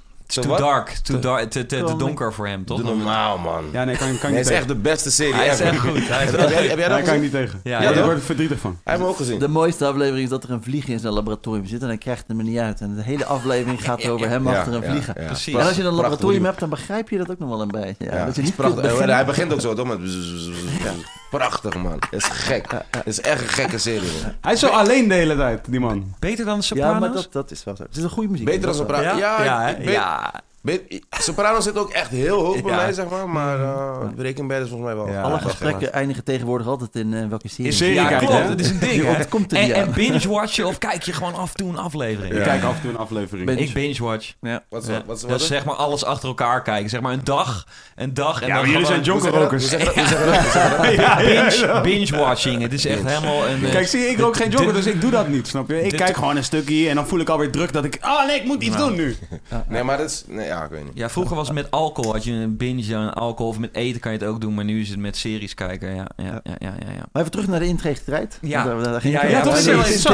niet door. Ik kan je nooit door Evil kan zijn. Evil, ja, precies. Ja, ja, ja. ja, weet je, het punt is, je kunt dat natuurlijk nooit bewijzen dat je wel of niet bent. Maar ik zie wel heel erg de waarde in van in ieder geval een paar mensen die niet meteen ergens aan een commercieel belang vastzitten. En het, uh, toen ik bij Bedokan werkte, werd natuurlijk ook regelmatig ja, als je een heel klein knoedelig bedrijfje bent en niemand weet wie je bent, dan vindt iedereen best. Dan kan je allemaal mm. leuke verhalen vertellen. Dan denk je, oh, leuk, wat interessant. Mhm. Mm. Maar als dat groeit, dan gaan ze steeds meer zeggen: ja, nee, natuurlijk vind je het geld. Want uh, Bedokan vindt dat natuurlijk leuk dat jij dat vindt. Dus ik besefte op een gegeven moment ook wel, er waren meerdere redenen, maar dat dat gewoon niet handig is om bij een hele grote cannabisfabriek te horen en nog steeds te zeggen: ja, nee, ik ben echt onafhankelijk. Want dan kun je niet meer zeggen. Je moet het ook, je moet het ook doen. Zijn, je moet het, ja, je moet het in daad en woord moet je het doen. Dus ik heb geprobeerd om dan weer met meerdere partijen samen te werken. Uh, veel transparanter te werk gaan, veel meer uit te leggen. Mensen ook te zeggen, nou ja, als je niet gelooft, kom maar kijken. Maar, als je denkt dat ik niet goed jou, jouw olie analyseer, mm. kom er maar bij zitten, doe het samen. En dat is af en toe best wel even gek. En dat mijn collega's zeggen van, wat ga je nou weer doen? Uh, dat, zo doen wij dat toch niet? Maar ja, dat is wel belangrijk. Het lijkt me zo moeilijk als je Oké, dus je, want, want dan, eigenlijk zou je zeggen, als je dan afhankelijk bent, dan steek je ook je eigen geld in, eh, in, je, in je onderzoek. Dus dan zou je, want dan ben je, ben je echt puur onafhankelijk. Maar vaak is het natuurlijk dat je juist, dat iemand uh, inderdaad die een onderzoek doet, jou dat onderzoek laat uitvoeren en daarvoor betaalt. Maar inderdaad, hoe onafhankelijk ben je dan inderdaad? Nou, uh... als voorbeeld de laatste studie, hè? 46 mhm. samples van patiënten. Ja, ja, ja. Nou, dan ga ik dus op zoek naar patiënten. Ja, ja, ja, ik ken patiëntenverenigingen en ik vraag er een aantal van. ik ah, denk, die, die zijn goed georganiseerd. Mm -hmm. Dit zijn mensen met uh, allerhande klachten. Ja, help mij met die mensen bereiken. Dus die zetten het in de nieuwsbrief. Mm. Nou, dat is nog steeds onafhankelijk. mensen sturen mij stempeltjes op. Ja, ja. En een enquête. En dan moet ik dat laten analyseren. Ja, dan ben ik naar een lab gegaan dat ik ken. Ik gezegd, kunnen jullie dat voor niks doen? En dan doe ik zelf wel de arbeid. Dan mag ik dan het lab gebruiken. Nou, dat vind ik goed. dan schrijf ik de methode op. Hè. Dan, uh, dan, precies in detail hoe ik dat dan precies heb gedaan... en wat voor methoden ze zijn gebruikt. En dan rapporteer je de getallen. En als mm. iemand zegt, ja, maar ik wil dan wel ook zien... wat er dan in die enquêteformulieren staan. En die zitten allemaal in een mapje. Die kan je zo zien. Dus op die manier werk je wel met partijen samen. En als ik de keuze heb tussen een bedrijf en een universiteit, ga ik liever naar de universiteit. Ja, ja precies. want die zijn ook inherent meer... objectief zijn. Ja. maar als zij daar wat verklooien, dan heeft zo'n professor ook gebakken peren. want als dat uitkomt... Dus je moet ook proberen om mensen hun imago... als het, als het pijn doet, als het misgaat... Ja, dan werk ik liever met zo iemand dan als iemand zegt... ja, ja, sorry, uh, foutjes gebeuren. Precies. Zijn, zijn er nu wereldwijd... Uh, laat ik zeggen, hoeveel mensen zijn er als jij? Nou, er zijn, ik zeg vaak wel, er zijn wel mensen die slimmer zijn in hun vakgebied. Ja. Dan denk ik veel slimmer, maar die zijn allemaal, die gaan allemaal de diepte in. En die weten niet zoveel van de breedte. Dus ik denk dat ik een van de weinigen ben die heel veel van de breedte weet. Ik heb heel veel gezien, ook omdat ik toevallig vanaf het begin uh, bij het Nederlandse programma betrokken was en altijd erbij ben geweest. Dus er zijn maar twee mensen, eentje naast mij, die dat ook kan zeggen, die er altijd bij was en die er ook mhm. altijd bij mocht zijn. Uh, en maar ik heb ook wereldwijd heel veel dingen meegemaakt. Omdat we vanuit Nederland heel veel zijn gaan rondkijken. Allerlei overheden en bedrijven kwamen naar ons toe. Dus dat is, uh, dat is wel heel uniek. En ik ben niet gebonden aan een vaste partij. Ja. Dus het feit dat ik ook nog beschikbaar ben, ja. dan, dan ben je terug naar een handjevol mensen in de wereld, denk ik. Ja. En dan moet je ook nog een beetje kunnen vertellen. Maar dan kan, ik me toch, dan, dan kan het toch niet anders zijn dan dat, dat, dan dat je een telefoontje hebt gekregen vanuit Dubai met iemand die zegt van... Uh, ik heb hier 10 miljoen voor je als je even dit komt doen? Nou, afgezien van de 10 miljoen heb ik nu projecten in Zimbabwe, in India en Canada. uh, in, in, in allerlei landen. Met wie? Ja, precies. Dat is, met wie? En voor, voor die landen ook of voor andere landen? Nou ja, de, de stelregel bij Belucan, bij de officiële baan, was altijd... als je geen vergunning hebt, gaan we ook geen dingen samen doen, want dan lopen we vast. Dus de mhm. eerste vraag is altijd, mag jij dit van je overheid? En dan, dan moet iemand niet alleen maar zeggen, ja, dat mag. Dan zeggen we, mogen we dat even zien dan? Heeft u een document? En als je daar doorheen bent, hè, bijvoorbeeld in Zimbabwe mag er nog niks, maar er wordt wel gekeken van wat nou als het wel zou mogen. Dus soms is het alleen maar verkennend en soms gaat het ook nergens naartoe. Maar daar leer je natuurlijk wel heel veel over de plaatselijke cultuur van cannabisgebruik of allerlei soorten die daar groeien. Ik heb een project in uh, India Waarbij ze nu twintig soorten uit de Himalaya hebben verzameld. En die gaan ze nu telen. Dus... En hoe, want dat is ook weer een gek vraag. Hè? Want zeg maar, uh, zeg maar zaadjes, daar zat ik laatst ook een hele filmpje over te kijken op YouTube. Zeg maar. Die zijn ook overal. Zeg maar. Er zijn ook verschillende soorten wiet zeg maar, in verschillende landen. Zeg maar.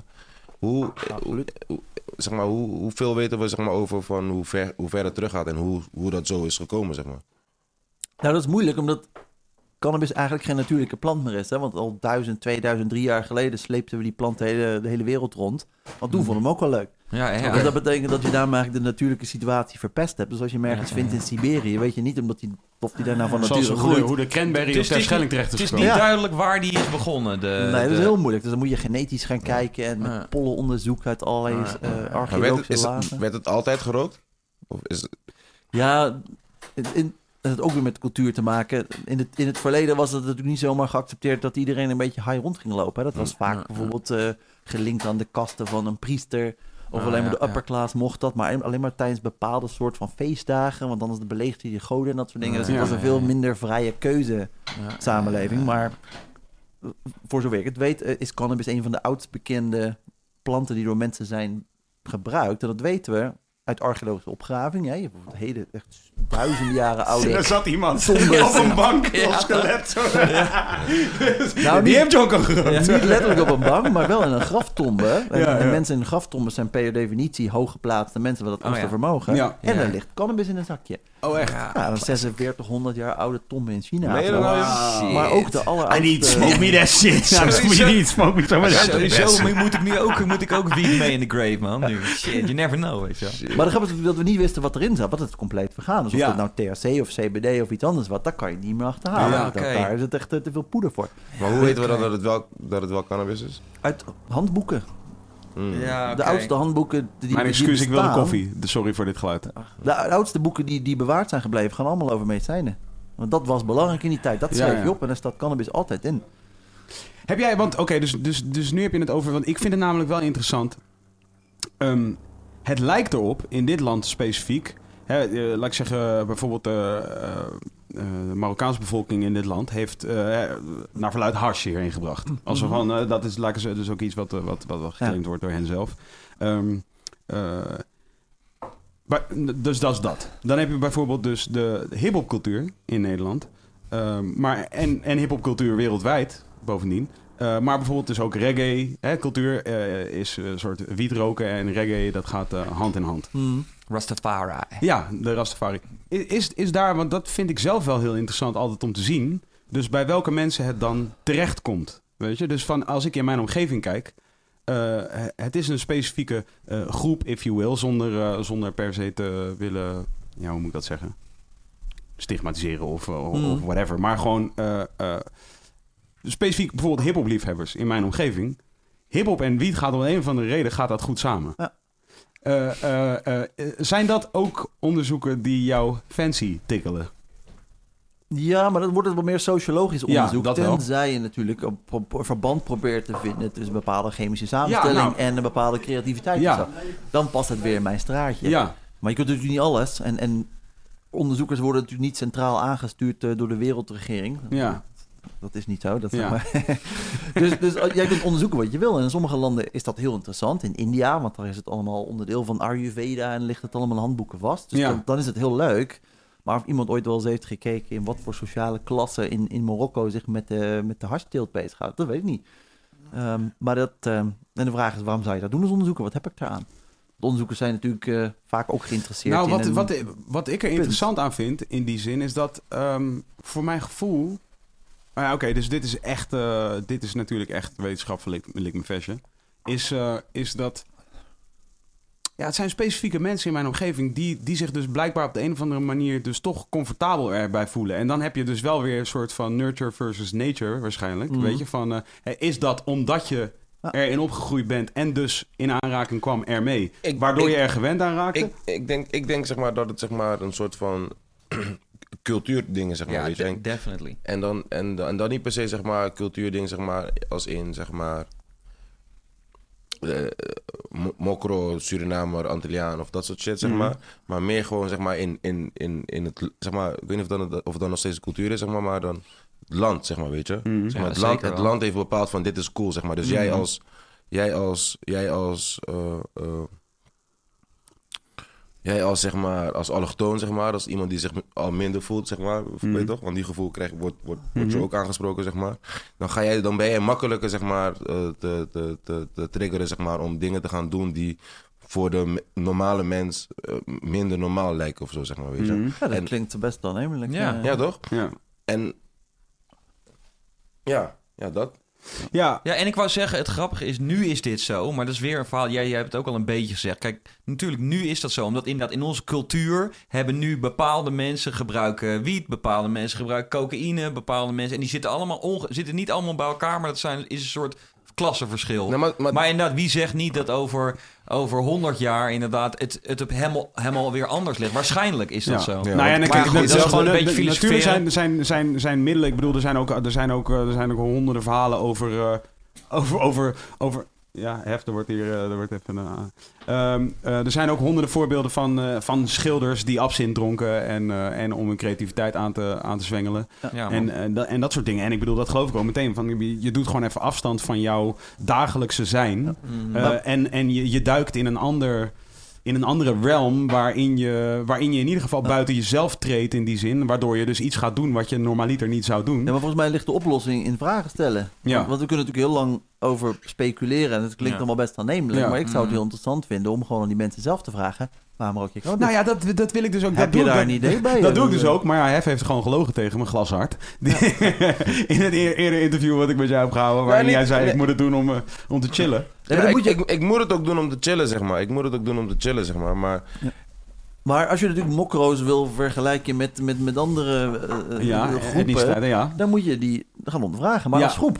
En, Ja. en in die zin ben ik er ook wel geïnteresseerd in, eh, ook bij andere psychedelische drugs. Want het is natuurlijk makkelijk om te zeggen, eh, LSD is alleen maar slecht en alleen maar voor de lol. Mm. Ja. Of, of, of ibogine of, of ayahuasca. ja. Maar wat nou als een bepaald percentage van die mensen zeggen... ja, maar ik doe dat helemaal niet omdat ik zo nodig eh, Hij wil zijn. Hij wil zijn of, Ja. of, of niet in deze realiteit Ja. wil zijn. Ik heb een bepaald doel. Ja. Een bepaalde soort van aandoening die niemand erkent. Maar Ja. ja, niemand vraagt mij dat Nou ooit. dat Ja, is... Of iedereen ik- noemt het verboden. Of, Dus- Ja. of niet eens een aandoening. Ik snap dat jij dat onderzoekt, maar ik bedoel, het kan ook inderdaad zijn een bepaald percentage gewoon excelleert, toch? Een soort van. Ja. eh, ja, maar dat, Naast dat hij denkt dat hij genius is, ook misschien inderdaad genius dingen doet. eh, ja, maar laat ik dan niet zeggen aandoening als in ziek Ja. zijn. Maar er is, Ja. er is een speciaal iets in mij dat ik mm, of wil verminderen omdat ik ziek ben. Ja, of ja, pijn, of ik wil vermeerderen. Maar dan moet Ja, je eerst met die mensen praten. Maar die vraag Ja, wordt nooit gesteld Ja. als het verboden is.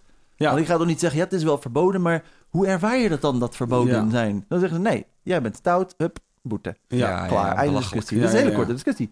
Dus met vragen, maar dan moet je wel op een statistische schaal doen. Dus dan moet je duizend mensen vragen gaan stellen. En dan wordt het ineens weer een studie die iemand, een universiteit of zo, Ja, een aantal ja. studenten op moet zetten. Ja. En dat doen ze pas als ze denken, ja, nee, wat, dat is inderdaad toch wel interessant hoor. Ja. En daar Ja, want ik een bedoel, het vindt ergens zijn oorsprong.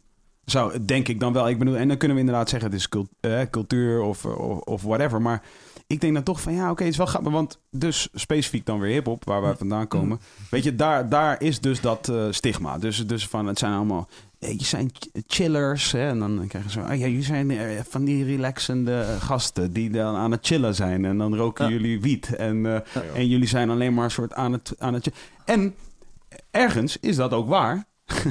en dan denk ik van ja, oké, cool. Maar wat is er dus dan? Want als je dan nu kijkt naar, naar Nederland bijvoorbeeld, waar dus eh, specifiek die groep heel succesvol aan het zijn is nu. Eh, wij- wij als hip-hop, als genre, Mhm. eh, zijn we heel succesvol. En dan heb ik het weer dus over onze, de, de maatschappelijke rol die, die de muziek inneemt. Of laat ik zeggen, in entertainment-industrie. Ehm, nou ja, en wiet is een go-to weapon of choice. Die we dus gebruiken om die creativiteit aan te wenden. Die zich dus Ja. nu manifesteert Nou, in... ik moet even zeggen, ik zat... Ik luister bijna nooit meer radio, maar ik was Mhm. de afwas aan het doen. Ik had de radio aanstaan en toen was er een beetje eh neder-hip-hop op de radio. En het was echt fucking goed. Ja. Ik was echt... Genius. Ja, dat is dus wiet. Genius, because weed, man. Ja, als dat wiet is, nou dan eh, gaat er een heel hoofdstuk voor mij op hoor. Daarom. Dat, ik dit, vond dat indrukwekkend goed. dit is Ja. klaar voor een onderzoek, eh, denk Ja. ik.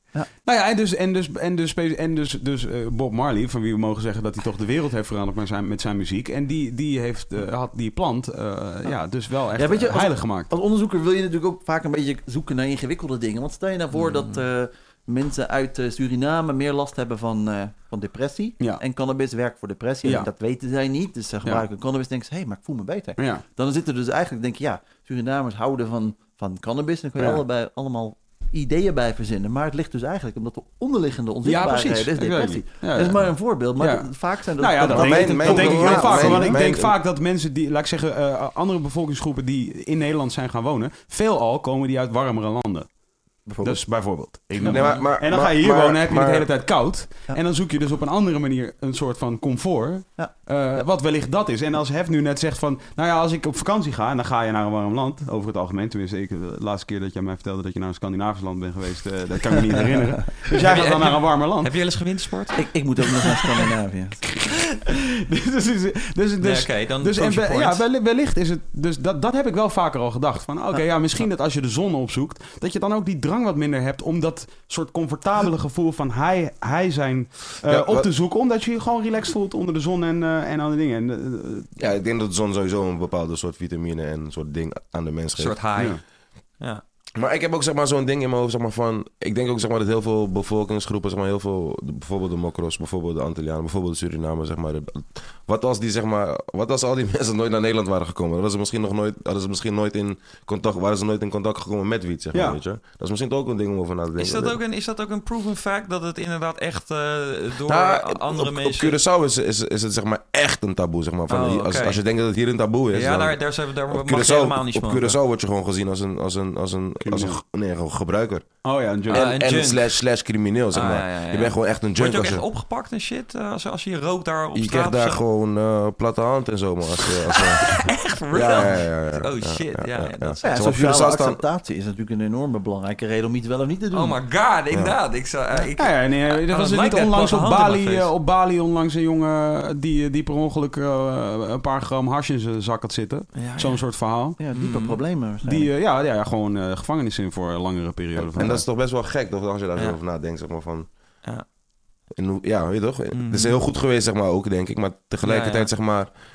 als je dan zeg maar, als je dan al die, al die mensen zeg maar uit andere landen in één land hebt zeg maar waar wiet gerookt mag worden, gaan al die mensen sowieso wiet roken. Ja. Al die mensen die zeg maar nu in, in asielzoekerscentrum zitten, zeg maar, het eerste wat ze gaan doen, zeg maar, zodra ze eruit zijn, is give me some weed. Ja, Ja, ja, ja. Toch? Snap je van, ik ben eindelijk uit die, uit, die, uit die asielzoekersding, ik ga Ja, roken, rustig in mijn osso zitten, denk ik dan, zeg maar. Ik vind sowieso, ik- inderdaad, is er enig zicht op... eh, inderdaad, ook weer, er zou een onderzoek naar gedaan moeten worden. Maar ik bedoel zo van, eh, inderdaad, eh, zijn er meer mensen van een bepaalde bevolkingsgroep... die meer blow of minder blow of meer cannabis gebruiken, moet ik dan eigenlijk zeggen. Want eh, het gaat natuurlijk uiteindelijk Ja, nee, dan, dan kom je Is- weer is tussen daar- antropologisch en... eh, en Nou, er is een heel interessant onderzoeksinstituut in Nederland. Het heet het Trimbos Instituut in Utrecht. En Ja. die houdt zich wel heel veel bezig met dit soort onderzoek. Waarom Dus dat gebruiken mensen wel. drugs? Wat voor types drugs zijn er? Wat zijn de gevolgen ervan? Maar ook met welke type bevolkingsgroepen kan ik me begrijpen voorstellen dat dat daar ook wat tussen zit. Ik Ah, weet het niet uit mijn ja. hoofd, maar Nee, ehm, ik denk dat er wel degelijk wordt gekeken naar bijvoorbeeld preventie.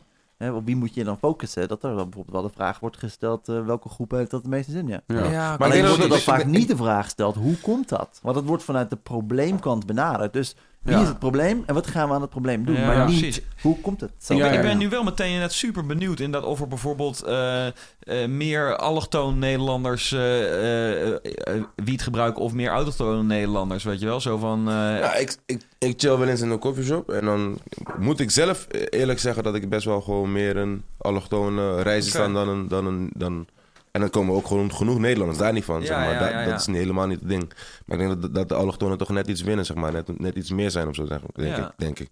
En misschien, is het ook dus de, misschien ligt het ook aan de coffeeshop waar ik dan ben, zeg maar. Weet je? wel. Misschien Ja. is dat ook een ding. Ehm, Wat, wat ik wel nieuwsgierig naar ben, is, Ja. komen jullie vaak mensen tegen die, die het wel gebruiken, maar die eigenlijk zeggen, ik wil eigenlijk wel stoppen, maar Ja, Ik kom- constant. ja, ik Dus kom dat- er niet aan toe. Of, nou, of dat is, dat is waarom ik wilde zeggen toen straks van... van want ja, ik ben bijvoorbeeld zo iemand... Die dus dus bij, eh, ik- mijn, mijn werk is in zekere zin om, eh, om, om mensen te begeleiden in hun carrière. eh, ergens. Mhm. Dus, dus, dus eh, wij, wij faciliteren dat... Jonko, jullie, fac- Ja, ja, fac- ja. jullie Hey, dat faciliteren- zou wat zijn als jullie Jonko faciliteren faciliteren. Jonko. Deden ze dat maar. Hun faciliteren Jonko voor mij sowieso. Ja, shit. Oké, nice. Maar je, hebt, je staat hoog in de ladder, toch? Als iemand van eh, Universal eh, meekijkt, eh, dat hebben we nog nooit gedaan.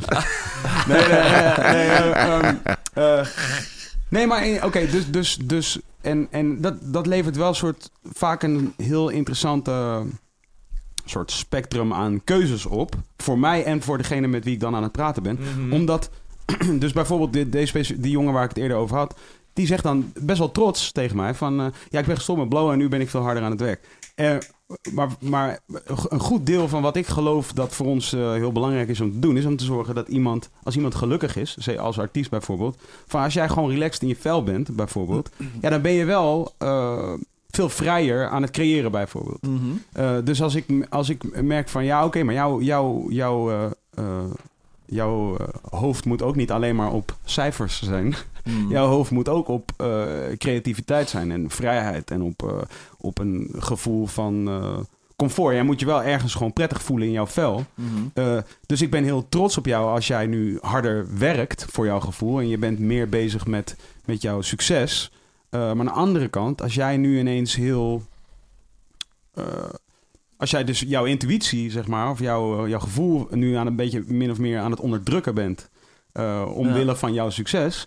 Ja, dan ben ik niet per se de eerste die vooraan staat om te zeggen van gefeliciteerd daarmee. Want ik wil graag dat jij als mens jou ook dagelijks gewoon heel relaxed voelt. Want Ja. ik geloof wel dat als jij... Ik denk dat bij het merendeel van de, van, de, van de jongens die bij ons op het label zitten... Als ik zou zeggen, allemaal niet meer wiet roken... Nou, nee, binnen een half jaar is iedereen Ja. toch best wel chagrijnig, denk ik. En dan wordt er niet meer heel veel goede muziek gemaakt. Denk Het is een beetje een soort van dan balans zoeken tussen de sociale wenselijkheid van Ja. zoiets doen en, Ja. en de persoonlijke effecten die het heeft. Ja. En daar moet iedereen een beetje zijn eigen ja, manier in vinden, toch? Balans, ja. Ja. Maar zijn er dan ook bijvoorbeeld momenten waarbij de, hè, als je met een aantal vrienden bent, dat er van die bepaalde momenten zijn dat je zegt van nou, nu even niet. Als je gaat autorijden of dat je, je Ja, bent met een sowieso. met Ik draai. Jonko tijdens het autorijden. Ja, ja, ja. ja. Tijdens het rijden, man. Tijdens het rijden. Maar, maar zijn er van die momenten dat iedereen het erover eens is van nee, dan moet je het even niet doen. Nou, het is wel. Ik, Nee. ik, ik bedoel, misschien sla- sluit het daarop aan. Er is wel inderdaad uh, zijn momenten van sociale druk, toch? Zo van dat, je, dat, dat er inderdaad een moment is van... oké, nu zijn we lekker aan het blowen. En inderdaad, ik moet toegeven, als ik dan een moment heb dat ik denk van... nou, misschien moet ik wel niet blowen. Maar, en, maar, maar er wordt, komt zo, er wordt gezegd van... oké, hier, neem, neem lekker die jonko. Dan heb ik misschien soms toch een neiging denk van... ja, oké, maar inderdaad, het is zo gezellig. Ik, uh, ik neem wel een paar trekjes, weet je wel. Terwijl ja, maar, misschien is dat ook wel wat zo gek is aan cannabis. Want je gaat niet je bierflesje rond uh, nee, nee, nee, En je gaat ook niet je peuk uh, ja. zitten doorgeven. Dus de meeste dingen hou je voor jezelf. en jij kiest... Maar zo'n zo'n zo'n joint... die kan je delen. natuurlijk wel. En dat maakt het wel vind ik ook wel iets moois eigenlijk. Ja, 100%. Af en toe is het ook wel eens vervelend dat je dat dan moet doorpassen. En elk rondje moet je weer van nee, nee. Ja, ja, ja, ja. ja, ja, ja. Heel vriendelijk hoor. Maar, maar ja, dat, ik bedoel, dat, daar, daar moet ik meteen denken, dat is wel een soort real thing. En daarom zijn er ook mensen waar jij, jij hebt het over ook jouw omgeving. Kijk, inderdaad, daar wordt nou eenmaal wiet gebruikt en niet per se cocaïne. Dus ga, heb je ook nooit die issue om, te nou, uh, om erover na hoeven denken van... ga cocaïne gebruiken, ja of nee? Maar wel met wiet, omdat het in je omgeving uh, zo speelt. Maar, dat, maar dat wou ik dus net ook zeggen, zeg maar, over, over, over Nederland bijvoorbeeld. Zeg maar. Nederland is, is er zeg maar, dus je hebt dus... Growing up, zeg maar, heb je dus wiet... Helemaal onderaan de ladder, wat zeg maar gewoon normaal is. Mm bijna, bijna normaal is, zeg maar, weet je. Mhm. Van, oké, je krijgt klappen, maar ja, is cool. Dat is cool, je toch? Misschien een week huisarrest, cool. Ja. Maar dan pillen, Weet je? Uh, uh, alcohol nog daartussen? Of alcohol daar nog, ja. Alcohol misschien nog voor, voor wie? Want daar zit eigenlijk, soort, eigenlijk geen taboe op, toch? Nee, dat is nou, ja, maar als jij, als jij 14 bent en je hebt een fles vodka in je kamer Nee, oké, maar dan nog, dat bedoel even met mate. Bij, ja. hypothetisch dat je dan niet... Een biertje kun je met je pa drinken. Je eerste biertje drink je met je pa. Precies, precies. En je eerste jonko rook je niet met je pa. nee, precies, precies. In de regel. Precies, maar uh, je, was, je was met een verhaal bezig, Hef. ja, dan, heb je die gradaties, ja. Ja, dan komt daarna iets anders. Ja, dan komt daarna iets anders, zeg maar. Wat is dan, zeg maar, van... Zeg maar, wat het is toch zeg maar een soort van normaal, zeg maar, dat je dan zeg maar als, als, als zeg maar, elk, ik denk dat elke mens, dat het in elk mens zit, zeg maar, dat je rare dingen wil doen en wilt experimenteren en wilt, mm en wilt gek wil doen, zeg maar. Wil zijn. Dat het dus heel makkelijk is, zeg maar, om zeg maar, dat het makkelijker wordt gemaakt door Nederland, zeg maar, om gewoon wiet te, wiet, wiet, wiet te roken, zeg maar. Ja. Nou, wat interessant is, als je kijkt naar de statistieken van bijvoorbeeld Frankrijk, uh, de Verenigde Staten en andere landen waar het in ieder geval in het verleden veel meer verboden was, dat er veel meer mensen, veel meer jeugd, cannabis gebruikt. Maar als het stout is, ja, ja, dan, wordt dan, het dan wordt het zo'n cultje onder vrienden en dan ben je veel meer geneigd om het te proberen. Dus de gebruikershoeveelheden in Nederland zijn veel lager. Dat gelooft nooit iemand, maar dat kon je gewoon opzoeken in het onderzoek. Dat, dat, en ik merkte het nog van mijn middelbare school. Mijn eerste joint had ik toen ik 16, 17 was. Maar ik weet nog heel goed, je begon ermee. Dat was even spannend. Dan deed je het een poosje, maar dan stopte je ook weer. er was één jongen bij mij op school, die bleef maar doorgaan. Mm Die heette Dusty, geloof ik. Maar dat vonden we eigenlijk een beetje, een beetje, een beetje sneu dat hij dat bleef doen. Ja, dat was gewoon niet cool, want ja, Je, je, doet het een paar keer en dan is de lot wel af. Het was natuurlijk stout blijft. Ja, dat, dat had ik met sigaretten. Nee, want ik ben pas begonnen met roken toen ik uh, eh, 19 was.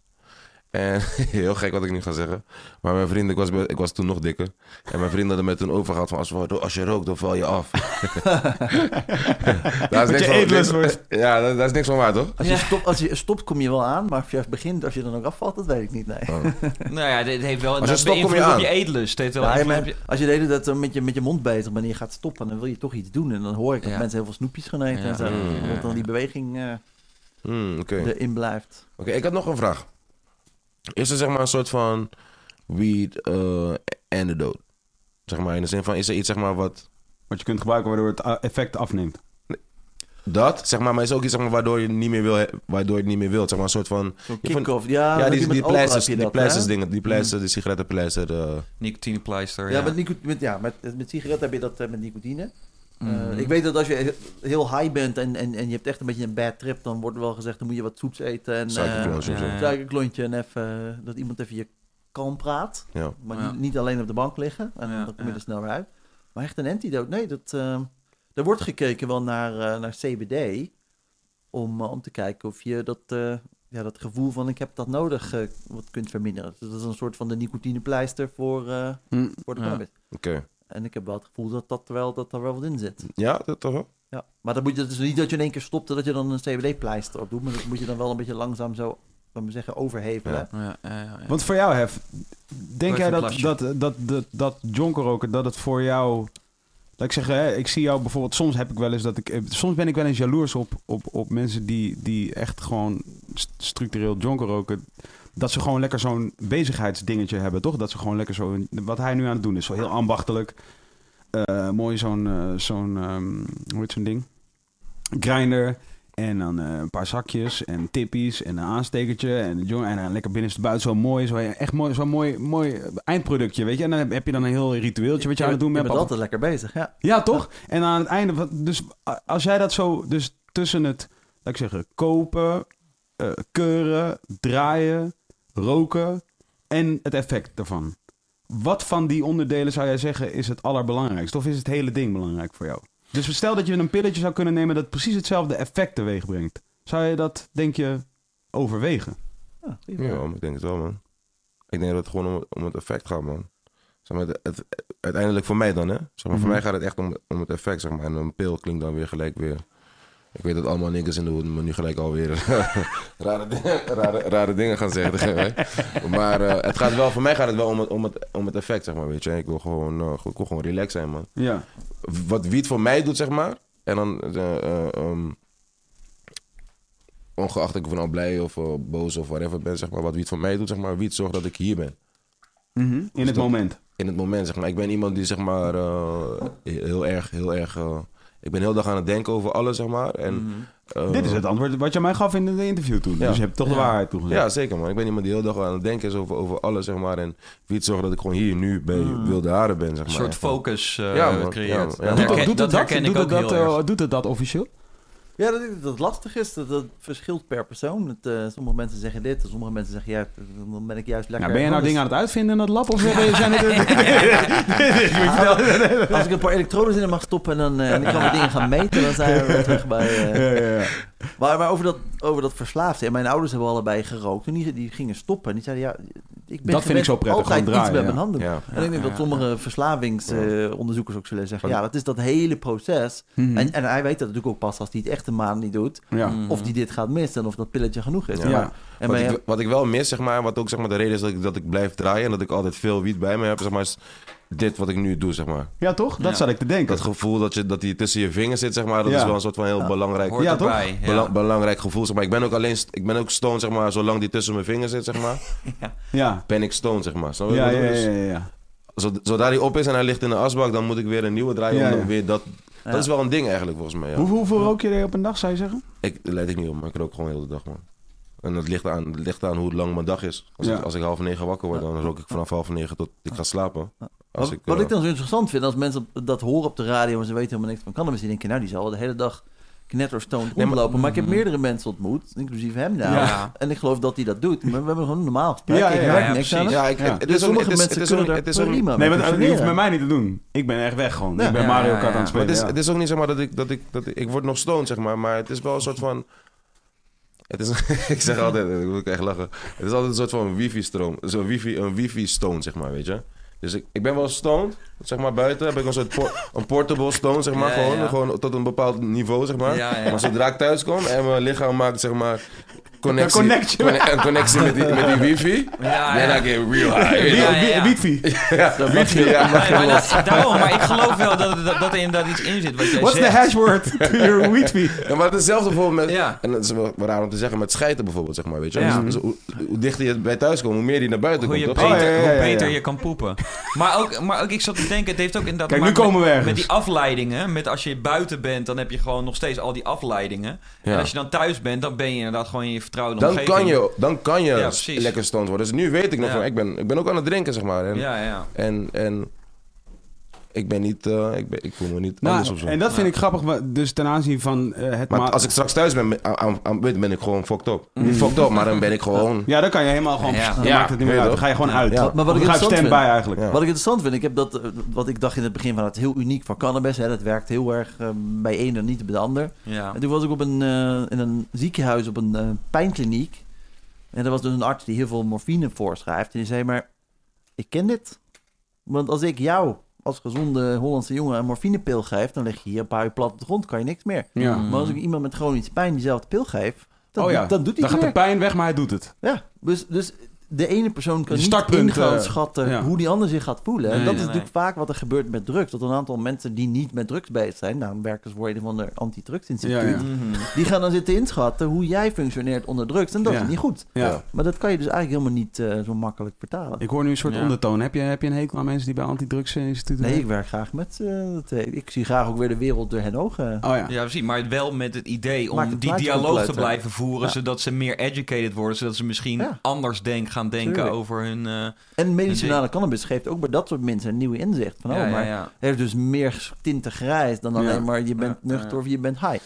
Ja, nou, dit, dit, dit is wel waarom ik, waarom ik dus ehm, ja, toch wel uh, een hekel heb aan mensen die, mensen die, uh, mensen die wietrokers min of meer uh, afserveren als zijnde, uh, weet ik veel, luie mensen of... Oh, nee, nee, niet junkies. Dat, dat, ik, ik, ik denk dat het, dat het grootste stigma wat erop rust is... ze kunnen niet functioneren in de maatschappij. Okay. Zo van, want je bent gewoon een, je bent gewoon een luie Donder. je Donder. podcast zit te maken. Je bent podcast aan het maken. Dat is het beste wat je ervan kunt maken. En voor de rest ben je gewoon uh, computerspelletjes aan het spelen en series aan het bingen. hey, dit is mijn life, man.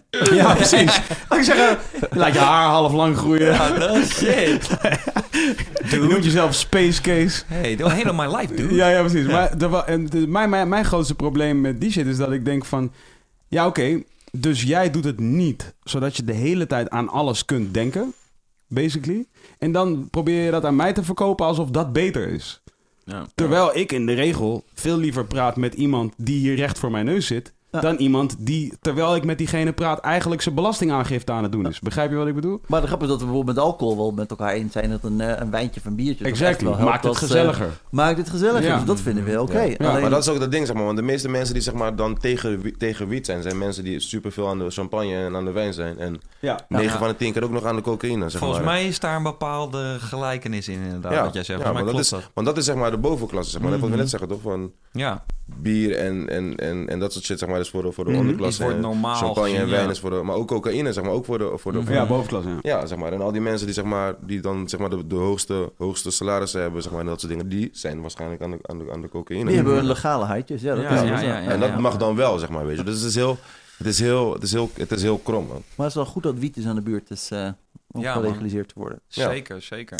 Nou ja, dat, ja, ik denk dat... Uh, dat uh, laat ik zo zeggen, ik, dat, dat vind ik interessant eraan. En sowieso inderdaad hoe, hoe, uh, hoe alcohol en wiet en, dat soort dingen en, en andere drugs zich verhouden tot, tot klassen en, en dergelijke. Dat vind ik wel heel boeiend. En, en dus specifiek weer... Ik zeg het nog maar een keertje, want eh, dat gesprek komt maar steeds niet op gang. Maar uh, dus Bob Marley. Dus omdat ik, omdat, ik, omdat ik vind dat hij, ja, voor mijn gevoel, zoveel waarheden uh, um, predikte in, in zijn liedjes. Mm -hmm. En waarvan ik dan wel denk van... Oké, als je die man als je die man een soort van analyseert op een, op een heel op een casual niveau, wat ik heb gedaan, want ik ben helemaal niet een soort uh, mega fan, maar gewoon ik heb ook documentaire gekeken en links en rechts wat interviewtjes van hem en zo. Mm. En hij komt gewoon over als een hele uh, kalme uh, denker die heel helder juist naar de wereld keek. en, en, en bijvoorbeeld het klassieke interview waarin hem, hem gevraagd werd door een, door een journalist: Are you rich? En dat hij zei, uh, what do you mean rich? En dat hij zei, do you have a lot of possessions? En dat hij zei, possession make you rich? Vraagteken. Uh, en, en, dat vond ik interessant, omdat ik dacht van ja, dit is dus... Dit is wat ik inderdaad bij de meeste wietrokers ontdek. Is niet, niet een lack of ambitie, maar een andere kijk op wat succes is. Ja. Nou, om dat even breder te trekken, want de, de wereld bestaat natuurlijk uit meer dan uh, Bob Marley even, de, oh, ja, ja, even een open deur trappen. Maar wat, ik, wat ik zelf heb opgepikt in al die jaren politieke gesprekken... is dat het ook te maken heeft met waar ben je dan wel mee bezig? Waar steek je wel je nek uit? En wat ik voelde is dat Nederland, politiek gezien... Hè, gemiddeld een beetje het gevoel had van... ja, maar we zijn altijd het stoutste jongetje van de Europese klas. We hebben mm. legale prostitutie. En niet alleen maar legaal, nee, we geven ze ook zorgverzekering. En ze zitten zelfs in een vakbond. Ja. De rode lijn heet dat, geloof ik. Okay. Uh, we hebben abortus, we hebben euthanasie, we hebben coffeeshops. En dan gaan we weer eens een keer iets stouts doen. Op, op een gegeven moment is het wel een beetje op. Dus ik merkte, dat zeiden sommige mensen ook expliciet... wij willen gewoon niet trots zijn om de wietleverancier van de wereld te gaan zitten worden. Oh ja. Wij willen gewoon graag dat er hele mooie medicijnen worden ontwikkeld... waar we trots op kunnen oh, ja. zijn. Een soort rebranding van de Nederlandse... Ja, gewoon even lekker normaal doen. Maar ze hadden zoiets van, ja... Dus terwijl Europa een beetje opener werd voor cannabis, hè, Tsjechië, Italië, Spanje, Zwitserland, Duitsland nu, kon Nederland alleen maar naar beneden. Want ze zaten al helemaal aan de top met wat ze konden met hun koffieshopbeleid. Wie top. dus ze wilden eigenlijk zo meer van, laten we nou gewoon eens een keer lekker gemiddeld gaan Rustig zitten aan doen. doen, ja. Dus wij konden alleen maar naar beneden, terwijl de rest een beetje Omhoog, ja. wat opener werd. Ja. En ik merk dat, dat, dat nu dat allemaal weer wat normaler is. Hè. Er zijn steeds meer landen, waaronder een grote buurman als Duitsland, dat Nederland ook kan denken, oh, zo gek was het dus allemaal nog niet. Nou, misschien kunnen we nou weer eens even wat ambitieuzer zijn. Want Ja. politiek is ook keuzes maken. Je kunt natuurlijk niet op alles inzetten, want dat krijg je nooit gedaan. Dus elke politieke partij kiest een, een ding wat ze belangrijk vinden. En dat zijn er zoveel. Ja, dan is cannabis nog lang niet aan de beurt. Ja. Dus het is ook gewoon weer even tijd. Er is weer even ademruimte om dat te doen. Omdat de wereld ook een beetje is verder ontwikkeld. Wat, dat speelt ja, ook ja. een rol, denk ik. wat is, wat, waar ben je nu mee bezig? Wat is, nu- wat is nu het onderzoek wat je nu aan het doen bent? Wat ben ik eigenlijk aan het doen? Ik ben vooral, denk ik, om- rondom de wereld bedrijven aan het helpen om ook mee te doen aan... eh, dus dat niet alleen maar de grote jongens overblijven, maar dat er, eh, dat er ook wat eh, specialiteitenwinkeltjes komen. Dus ik ben vooral met de middelgrote partijen bezig. En een van de dingen die ik heel spannend zou vinden, is als we bijvoorbeeld in Nederland eens zouden focussen op een hele grote zadenbank. Want het begint ja. allemaal met die cannabisplant. En iedereen heeft de vraag, waar haal ik dan mijn wiet vandaan? En wat mag er wel? Zaadjes, Ja, dat was laatst met nieuws, toch? Dat ze in Nederland ook een zadenbank gingen doen. Dat eerst alleen op Antarctica was of zo. En dat ze nu in Nederland ook een gingen doen. Of is Ja, het dat gaat over voedselgewassen in Oh het ja, algemeen. maar nu gaat het over maar als er natuurlijk- een plek is voor, voor in de wereld waar dat zou passen, is het denk ik Nederland. En wat ik dan nog in het verlengde daarvan zie, en de, we hadden het net al over psychedelische drugs in het algemeen. Want ik heb eigenlijk het gevoel dat cannabis heeft een- allemaal ontwikkelingen eh, ondergaan. Hè, van compleet verboden 20 jaar geleden tot nou ja, over 10 jaar misschien wel helemaal als modern medicijn helemaal gelukt. Hm. Let's hope zo. Dat betekent dat je heel veel hebt geleerd. En als je dat nou toepast op andere psychedelica, dan heb ik eigenlijk het gevoel van, kan je geen masteropleiding, een universitaire opleiding opzetten? En dat noem ik dan stoute plantjes. Een business school? Cannabusters. Nou, ik noem dat stoute plantjes, want dat zijn allemaal plantjes die eigenlijk dus niet mogen. We hebben besloten, dat willen wij niet. Mhm. Maar wat nou als daar heel veel potentie in zit? Om Alzheimer te behandelen, om Ja. kanker te behandelen, al die psychische aandoeningen. Maar dat mogen we nu niet vragen, hè? want nee, dat is verboden. Dat is illegaal, ja. Maar als cannabis mag, waarom mag dan ook niet paddo's, eh cactus... eh, Want wat eh, paddo's wordt LSD, volgens mij... Ik heb een, eh, een vriend van mij heeft van die, eh, van die soort chronische hoofdpijnen. Ik weet even niet meer hoe dat heet. Ja, niet migraine. Oh. Nog heftiger Clust- dan dat. Clusterhoofdpijnen. Oh, ja. En, eh, en die gebruikt volgens mij van die, van die soort paddenstoelentabletten, right? Eh, eh, Dat, dat nou, is- dat zou best wel kunnen. Ja, LSD dat is- wordt onderzocht, ecstasy wordt onderzocht in de relatietherapie. eh, MDMA wordt volgens mij nu onderzocht eh, weer voor eh posttraumatische stressstoornis. Want het, het grappige is natuurlijk, er zijn heel veel aandoeningen die in je hoofd zitten. En dat zijn de moeilijkste om te behandelen. Denk Ja. alleen maar aan Alzheimer en dementie. Enorm probleem. Ja. Niks werkt. En er is één stof, eh, één groep stoffen die zeker op je hoofd werken. Mhm. Namelijk de psychedelica. Maar die mogen op de een of andere manier niet bij elkaar komen. Want dat is stout. ja. En dat is een ja, culturele keus. Dus we kunnen ook zeggen, nou, dat doen we niet meer. Laten we nou gewoon, we gaan niet meteen iedereen dan de LSD doen, maar laten we nou gewoon eens onderzoeken ja. wat de nut daarvan Dus is. dit is een beetje jouw natte onderzoeksdroom nu. Ja, om ja, dat te doen. een masteropleiding in een plek als Amsterdam, want daar past het volgens mij prima. Ja. Mhm. En dan krijgen we ook een soort van beloning voor het feit dat we altijd een beetje tegen draad zijn geweest Mhm. met, met al dit soort stoffen. Mhm. Ja. Dan gaan we gewoon een cursus overgeven aan de rest van de wereld. Op universitair niveau. Ik heb nog een vraag over de kwaliteit, Ja. hè? Over-. Als we zeg maar nou de... Want er is geen, er is geen, eh, er is geen eh, perfecte formule voor de, voor de beste wiet, toch? Nee, denk ik niet. Oké, hoe, gaan we dat, hoe gaan we dat dan testen, zeg maar, weet je? Zeg maar, wordt dan zeg maar elke topje getest voordat het in een potje gaat, zeg maar? Nee, wat je doet is je, maakt, je neemt een ruimte en die, die richt je in met bepaalde lampen en bepaalde eh substraat en bepaalde voeding. En dan kweek je er een aantal planten, die oogst je en dan neem je een aantal samples, een zakje vol en die stuur je naar het laboratorium. Mhm. En dat gebeurt met alle producten. Je gaat ook niet elke pinda testen voordat die in het zakje verdwijnt. Je neemt, er, hè, je neemt er 100 uit een schip van 80 miljard. En die ga je laten testen. Dus daar zijn gewoon standaard methodes voor. Mhm. En dan, ja, dan heb je twee testen. De ene is het laboratoriumtest, zit er geen troep in. En zit er ongeveer in als wat jij belooft. En de tweede test is, wil de consument wel hebben? En dan wordt het gewoon marktwerking, denk ik. Ja. Je kunt hele mooie wiet kweken en hele lekkere wijn eh, maken. Als Ja. iedereen vies vindt, Moet lekker ruiken en dan, lekker smaken. dan verdwijnt die vanzelf weer. Ja. In een ideaal scenario, heb, zou jij liever niet verslaafd zijn aan wiet? Ehm. Het, is heel, het is heel dubbel, zeg maar.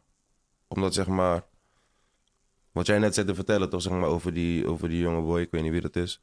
Maar, ehm, zeg maar, jij zegt zeg maar, dat hij zegt van hij, gaat, hij doet veel meer door zonder, Ja. zonder jonk. En zulke dingen laat je, laat, laten je dan twijfelen, zeg maar, van moet ik niet stoppen met jonken, zeg maar, misschien. En eh, aan de andere kant, zeg maar, jonken heeft ook heel veel, zeg maar, alle mooie dingen in mijn leven gebracht. Ja. Begrijp je wat ik bedoel, zeg Mhm. maar? Ja, zeker. Ehm, Maar heb je dan het gevoel dat je een heel ander persoon zou zijn zonder? Of heb je het gevoel, nee, dat ben ik gewoon allebei, alleen net even een klein beetje anders. Of heb je het gevoel van, dit ben ik met en ik ben heel anders zonder? Eh, ik denk, ik denk, ik denk, eh, ik denk, eh, ik, ik ben nu 30. ik rook al sinds ik 19 ben. Ik kan me bijna niet eens herinneren voor hoe ik was zonder, zeg maar, weet je. Ja. Wat ik wel weet, op vakantie ben ik gewoon een, ben ik gewoon, een- ben ik gewoon, een, gewoon een toffe guy, zeg maar. Voor, voor, Jonko is voor mij, zeg maar, dat even, even ontsnappen, zeg maar, weet je. En als je dan aan het werk bent en dan gewoon een normale, een, normale, een normale dag hebt... dan wil je, zeg maar, gewoon aan het einde van de dag even ontsnappen van alles, zeg maar. En, en, en Je hebt een heel leuk programma op televisie, hè? 40 dagen zonder seks. ja, Mm. 40 dagen zonder Jonko. Sick. dat, Zou je meedoen? dat is wel een gekke vlog. Ja, Hey, dat is een gekke vlog. man. En niet makkelijk, denk ik. Let's set that up. Nee. Set, let's set that up, guys. Dan moet Ja, ik man. echt 40 dagen shit te doen hebben, man. Elke dag moet ik Nee, iets maar, maar is het, oh ja, is het, ben je ook Wordt hij het Je hebt die vrienden zitten. Ja, Wordt hij geinig zonder Jonko? Oh ja, ik zat te Ik- denken... ik- ik- Sowieso als de Jonko had, dat sowieso. Hij heeft sowieso altijd zijn Jonko. Oké, dus jullie weten het helemaal niet. Ik heeft hem ooit s'nachts, gezien, ik bel toch? hem s'nachts, ik bel hem s'nachts wakker. Vaak als hij niet hebt, dan belt hij mij, omdat ik op straat ben, belt hij mij. Heb je nog iets? Nog? Anders kan ik niet sla- ik kan, ik kan, ik kan niet slapen zonder, zonder, zonder, zonder wiet, man. Ah, ja. Als ik niet heb, dan ben ik ook paniekerig. Ik moet gewoon iets hebben om te roken. Ja, ja, ja, ja. Oké, ah, ja, ja. In, in paniek als je geen Jonko hebt. Ja, dat kan ook niet, niet de beste situatie zijn. Maar, ja, maar of ik een ander mens ben, zeg maar, dat is wel echt een heel, Moeilijke vraag. hele moeilijke vraag, zeg maar. Dan moet ik, dan moet ik echt, dan moet ik echt eventjes geen wiet, geen wiet testen, roken, zeg maar. ja. Ja, moet ik, dat moet ik testen. Mm. Zouden, zouden we moeten testen eigenlijk? Ja. Ja, ik zat te denken, dit is natuurlijk anders. Want het is inderdaad 40 dagen zonder seks. Dan kan je nog gewoon overal gaan, toch? Ik zat in dat programma te denken dat je gewoon 24 uur in een kamer zit met iemand anders. Stel je dat, doe dat 40 dagen. Nee, wordt iedereen gek. Nee, Laat scratch it. huis. Let's zijn, forget er, that. eh, zijn er mensen, zijn er, eh, mensen gewoon eh, regular people, eh, toe, worden, die, worden die toegelaten in, je, in een laboratorium om eens mee te gluren? Heb regelmatig dat ik mensen uitnodig, en, eh, maar dat heeft meestal wel een functie. Het is Ja, geen, ja. geen pretpark. Nee. Dat zijn meestal mensen die... Zo eh, klinkt het wel. Voor ons, eh, van binnen is het, is het heel gezellig. Ja, ja, ja. Nee, maar dat heeft altijd een functie. Dus Ja, een ja, scepticus Of, of iemand, eh, eh, bijvoorbeeld iemand die, die, die spreekt voor heel veel patiënten en heel kritisch is en gewoon niet Mm. gelooft dat het, dat het echt klopt. Ja, Nou, dan zeg ik wel eens, kom maar eens kijken. Ja, En- precies. En dat is meestal wel overtuigend, ja. Ja. Want ze zijn ook niet gewend dat je dat doet. Ja, Ze, ze geloven ook niet dat je het uiteindelijk gaat doen. En als het dan toch gebeurt en ze zien Ja. en ze kunnen zelf meekijken, ja. dan denk je, oh, oh ja. Ja, want ik zie, ik zie ik, eh, de reden waarom ik het vraag is omdat ik natuurlijk gewoon wil dat de Space Case en Hef een keertje kunnen kijken door, door jouw microscoop. Om te kijken wat er allemaal gebeurt in die... Nou, voorheen had ik mijn eigen laboratorium waar ik zelf een beetje de baas over Ja, ja, was. dan komt dat. Maar nu ben ik te gast bij een, eh, een bedrijf in Mhm. Leiden waar ik een soort van consultant rol heb. Ja. Dan mag Kees niet naar binnen. Nou, die hebben allemaal strengere regels. Smoke all eh, that shit. nee, inderdaad. Nou, oké. Ja, ik dan- vind het is niet onmogelijk. Nee, oké. Ja. Nou, is goed. Dan gaan, we, gaan we nog even kijken wat we kunnen doen. Wij zijn er eigenlijk eh, weer helemaal doorheen vanavond. Nou, eh, fantastisch. Ik vond het heel mooi. Jammer, man. Ik, Ik zou nog uren ja. door kunnen praten. Nou ja, dat gaan we wellicht ook nog wel Dat even zeggen doen. jullie vast altijd. Ja, ja. Nee, ik heb, het, ik heb het echt naar mijn zin gehad, man. Ik weet echt allemaal ni- nieuwe shit. Ik heb nog, Mhm. Ik, ik heb nog vragen in mijn hoofd, maar ik weet nog niet precies welke vragen. Maar ik heb nog wel dingen in mijn Nou, hoofd die ik zou willen weten. Gaan we nog even after, after Jonko hier. Doen we voor be- behind the scenes voor de, voor de patrons, eh, voor El Patrons. Oh ja, laten we dat ook nog eventjes meteen pluggen. Wij hebben, dames Ja. en heren, eh, zoals we de vorige keer al hebben aangekondigd... Ja. eh, het is mogelijk om, eh, om deze eh, podcast te supporten als je dat graag wil. Dat kan via patreon.com slash wildeharen de podcast. En daar mag je dan eh, op eigen initiatief besluiten om, eh, om te zeggen van... nou, ik wil dit graag gaande houden. En dan mag je, mag je een donatie doen. Hoeft Ja, natuurlijk toch. niet. Niet janken in de comments dat we zitten te bedelen. Hou je fucking bek dicht. Maar, we doen eh, het ook maar gewoon voor Kan ons je, lol. kunnen ze ook Jonko sturen? Eh, naar jou, ja, eventueel. dat mag. Dus Patreon.com alle, slash alle, mensen, alle mensen die zeg maar, alle mensen die zeg maar willen dat ik of Arno zeg maar jullie Jonko gaan onderzoeken. Ja. Ik, ik rook het. Arno, Ja, Arno Test. Arno test het. Eh, stuur je Jonko naar Wilde Haren. Ik, ik heb nog een volle koffiekaart, die laat ik hier achter. Ah, oké, top. Eh, Arno, dankjewel voor het, eh, voor het komen. Hef, dankjewel voor het komen. Kees, Ja, fijn dat je er weer bij was. Ja, toch. En eh, tot de volgende Wilde Haren, de podcast. Cheers.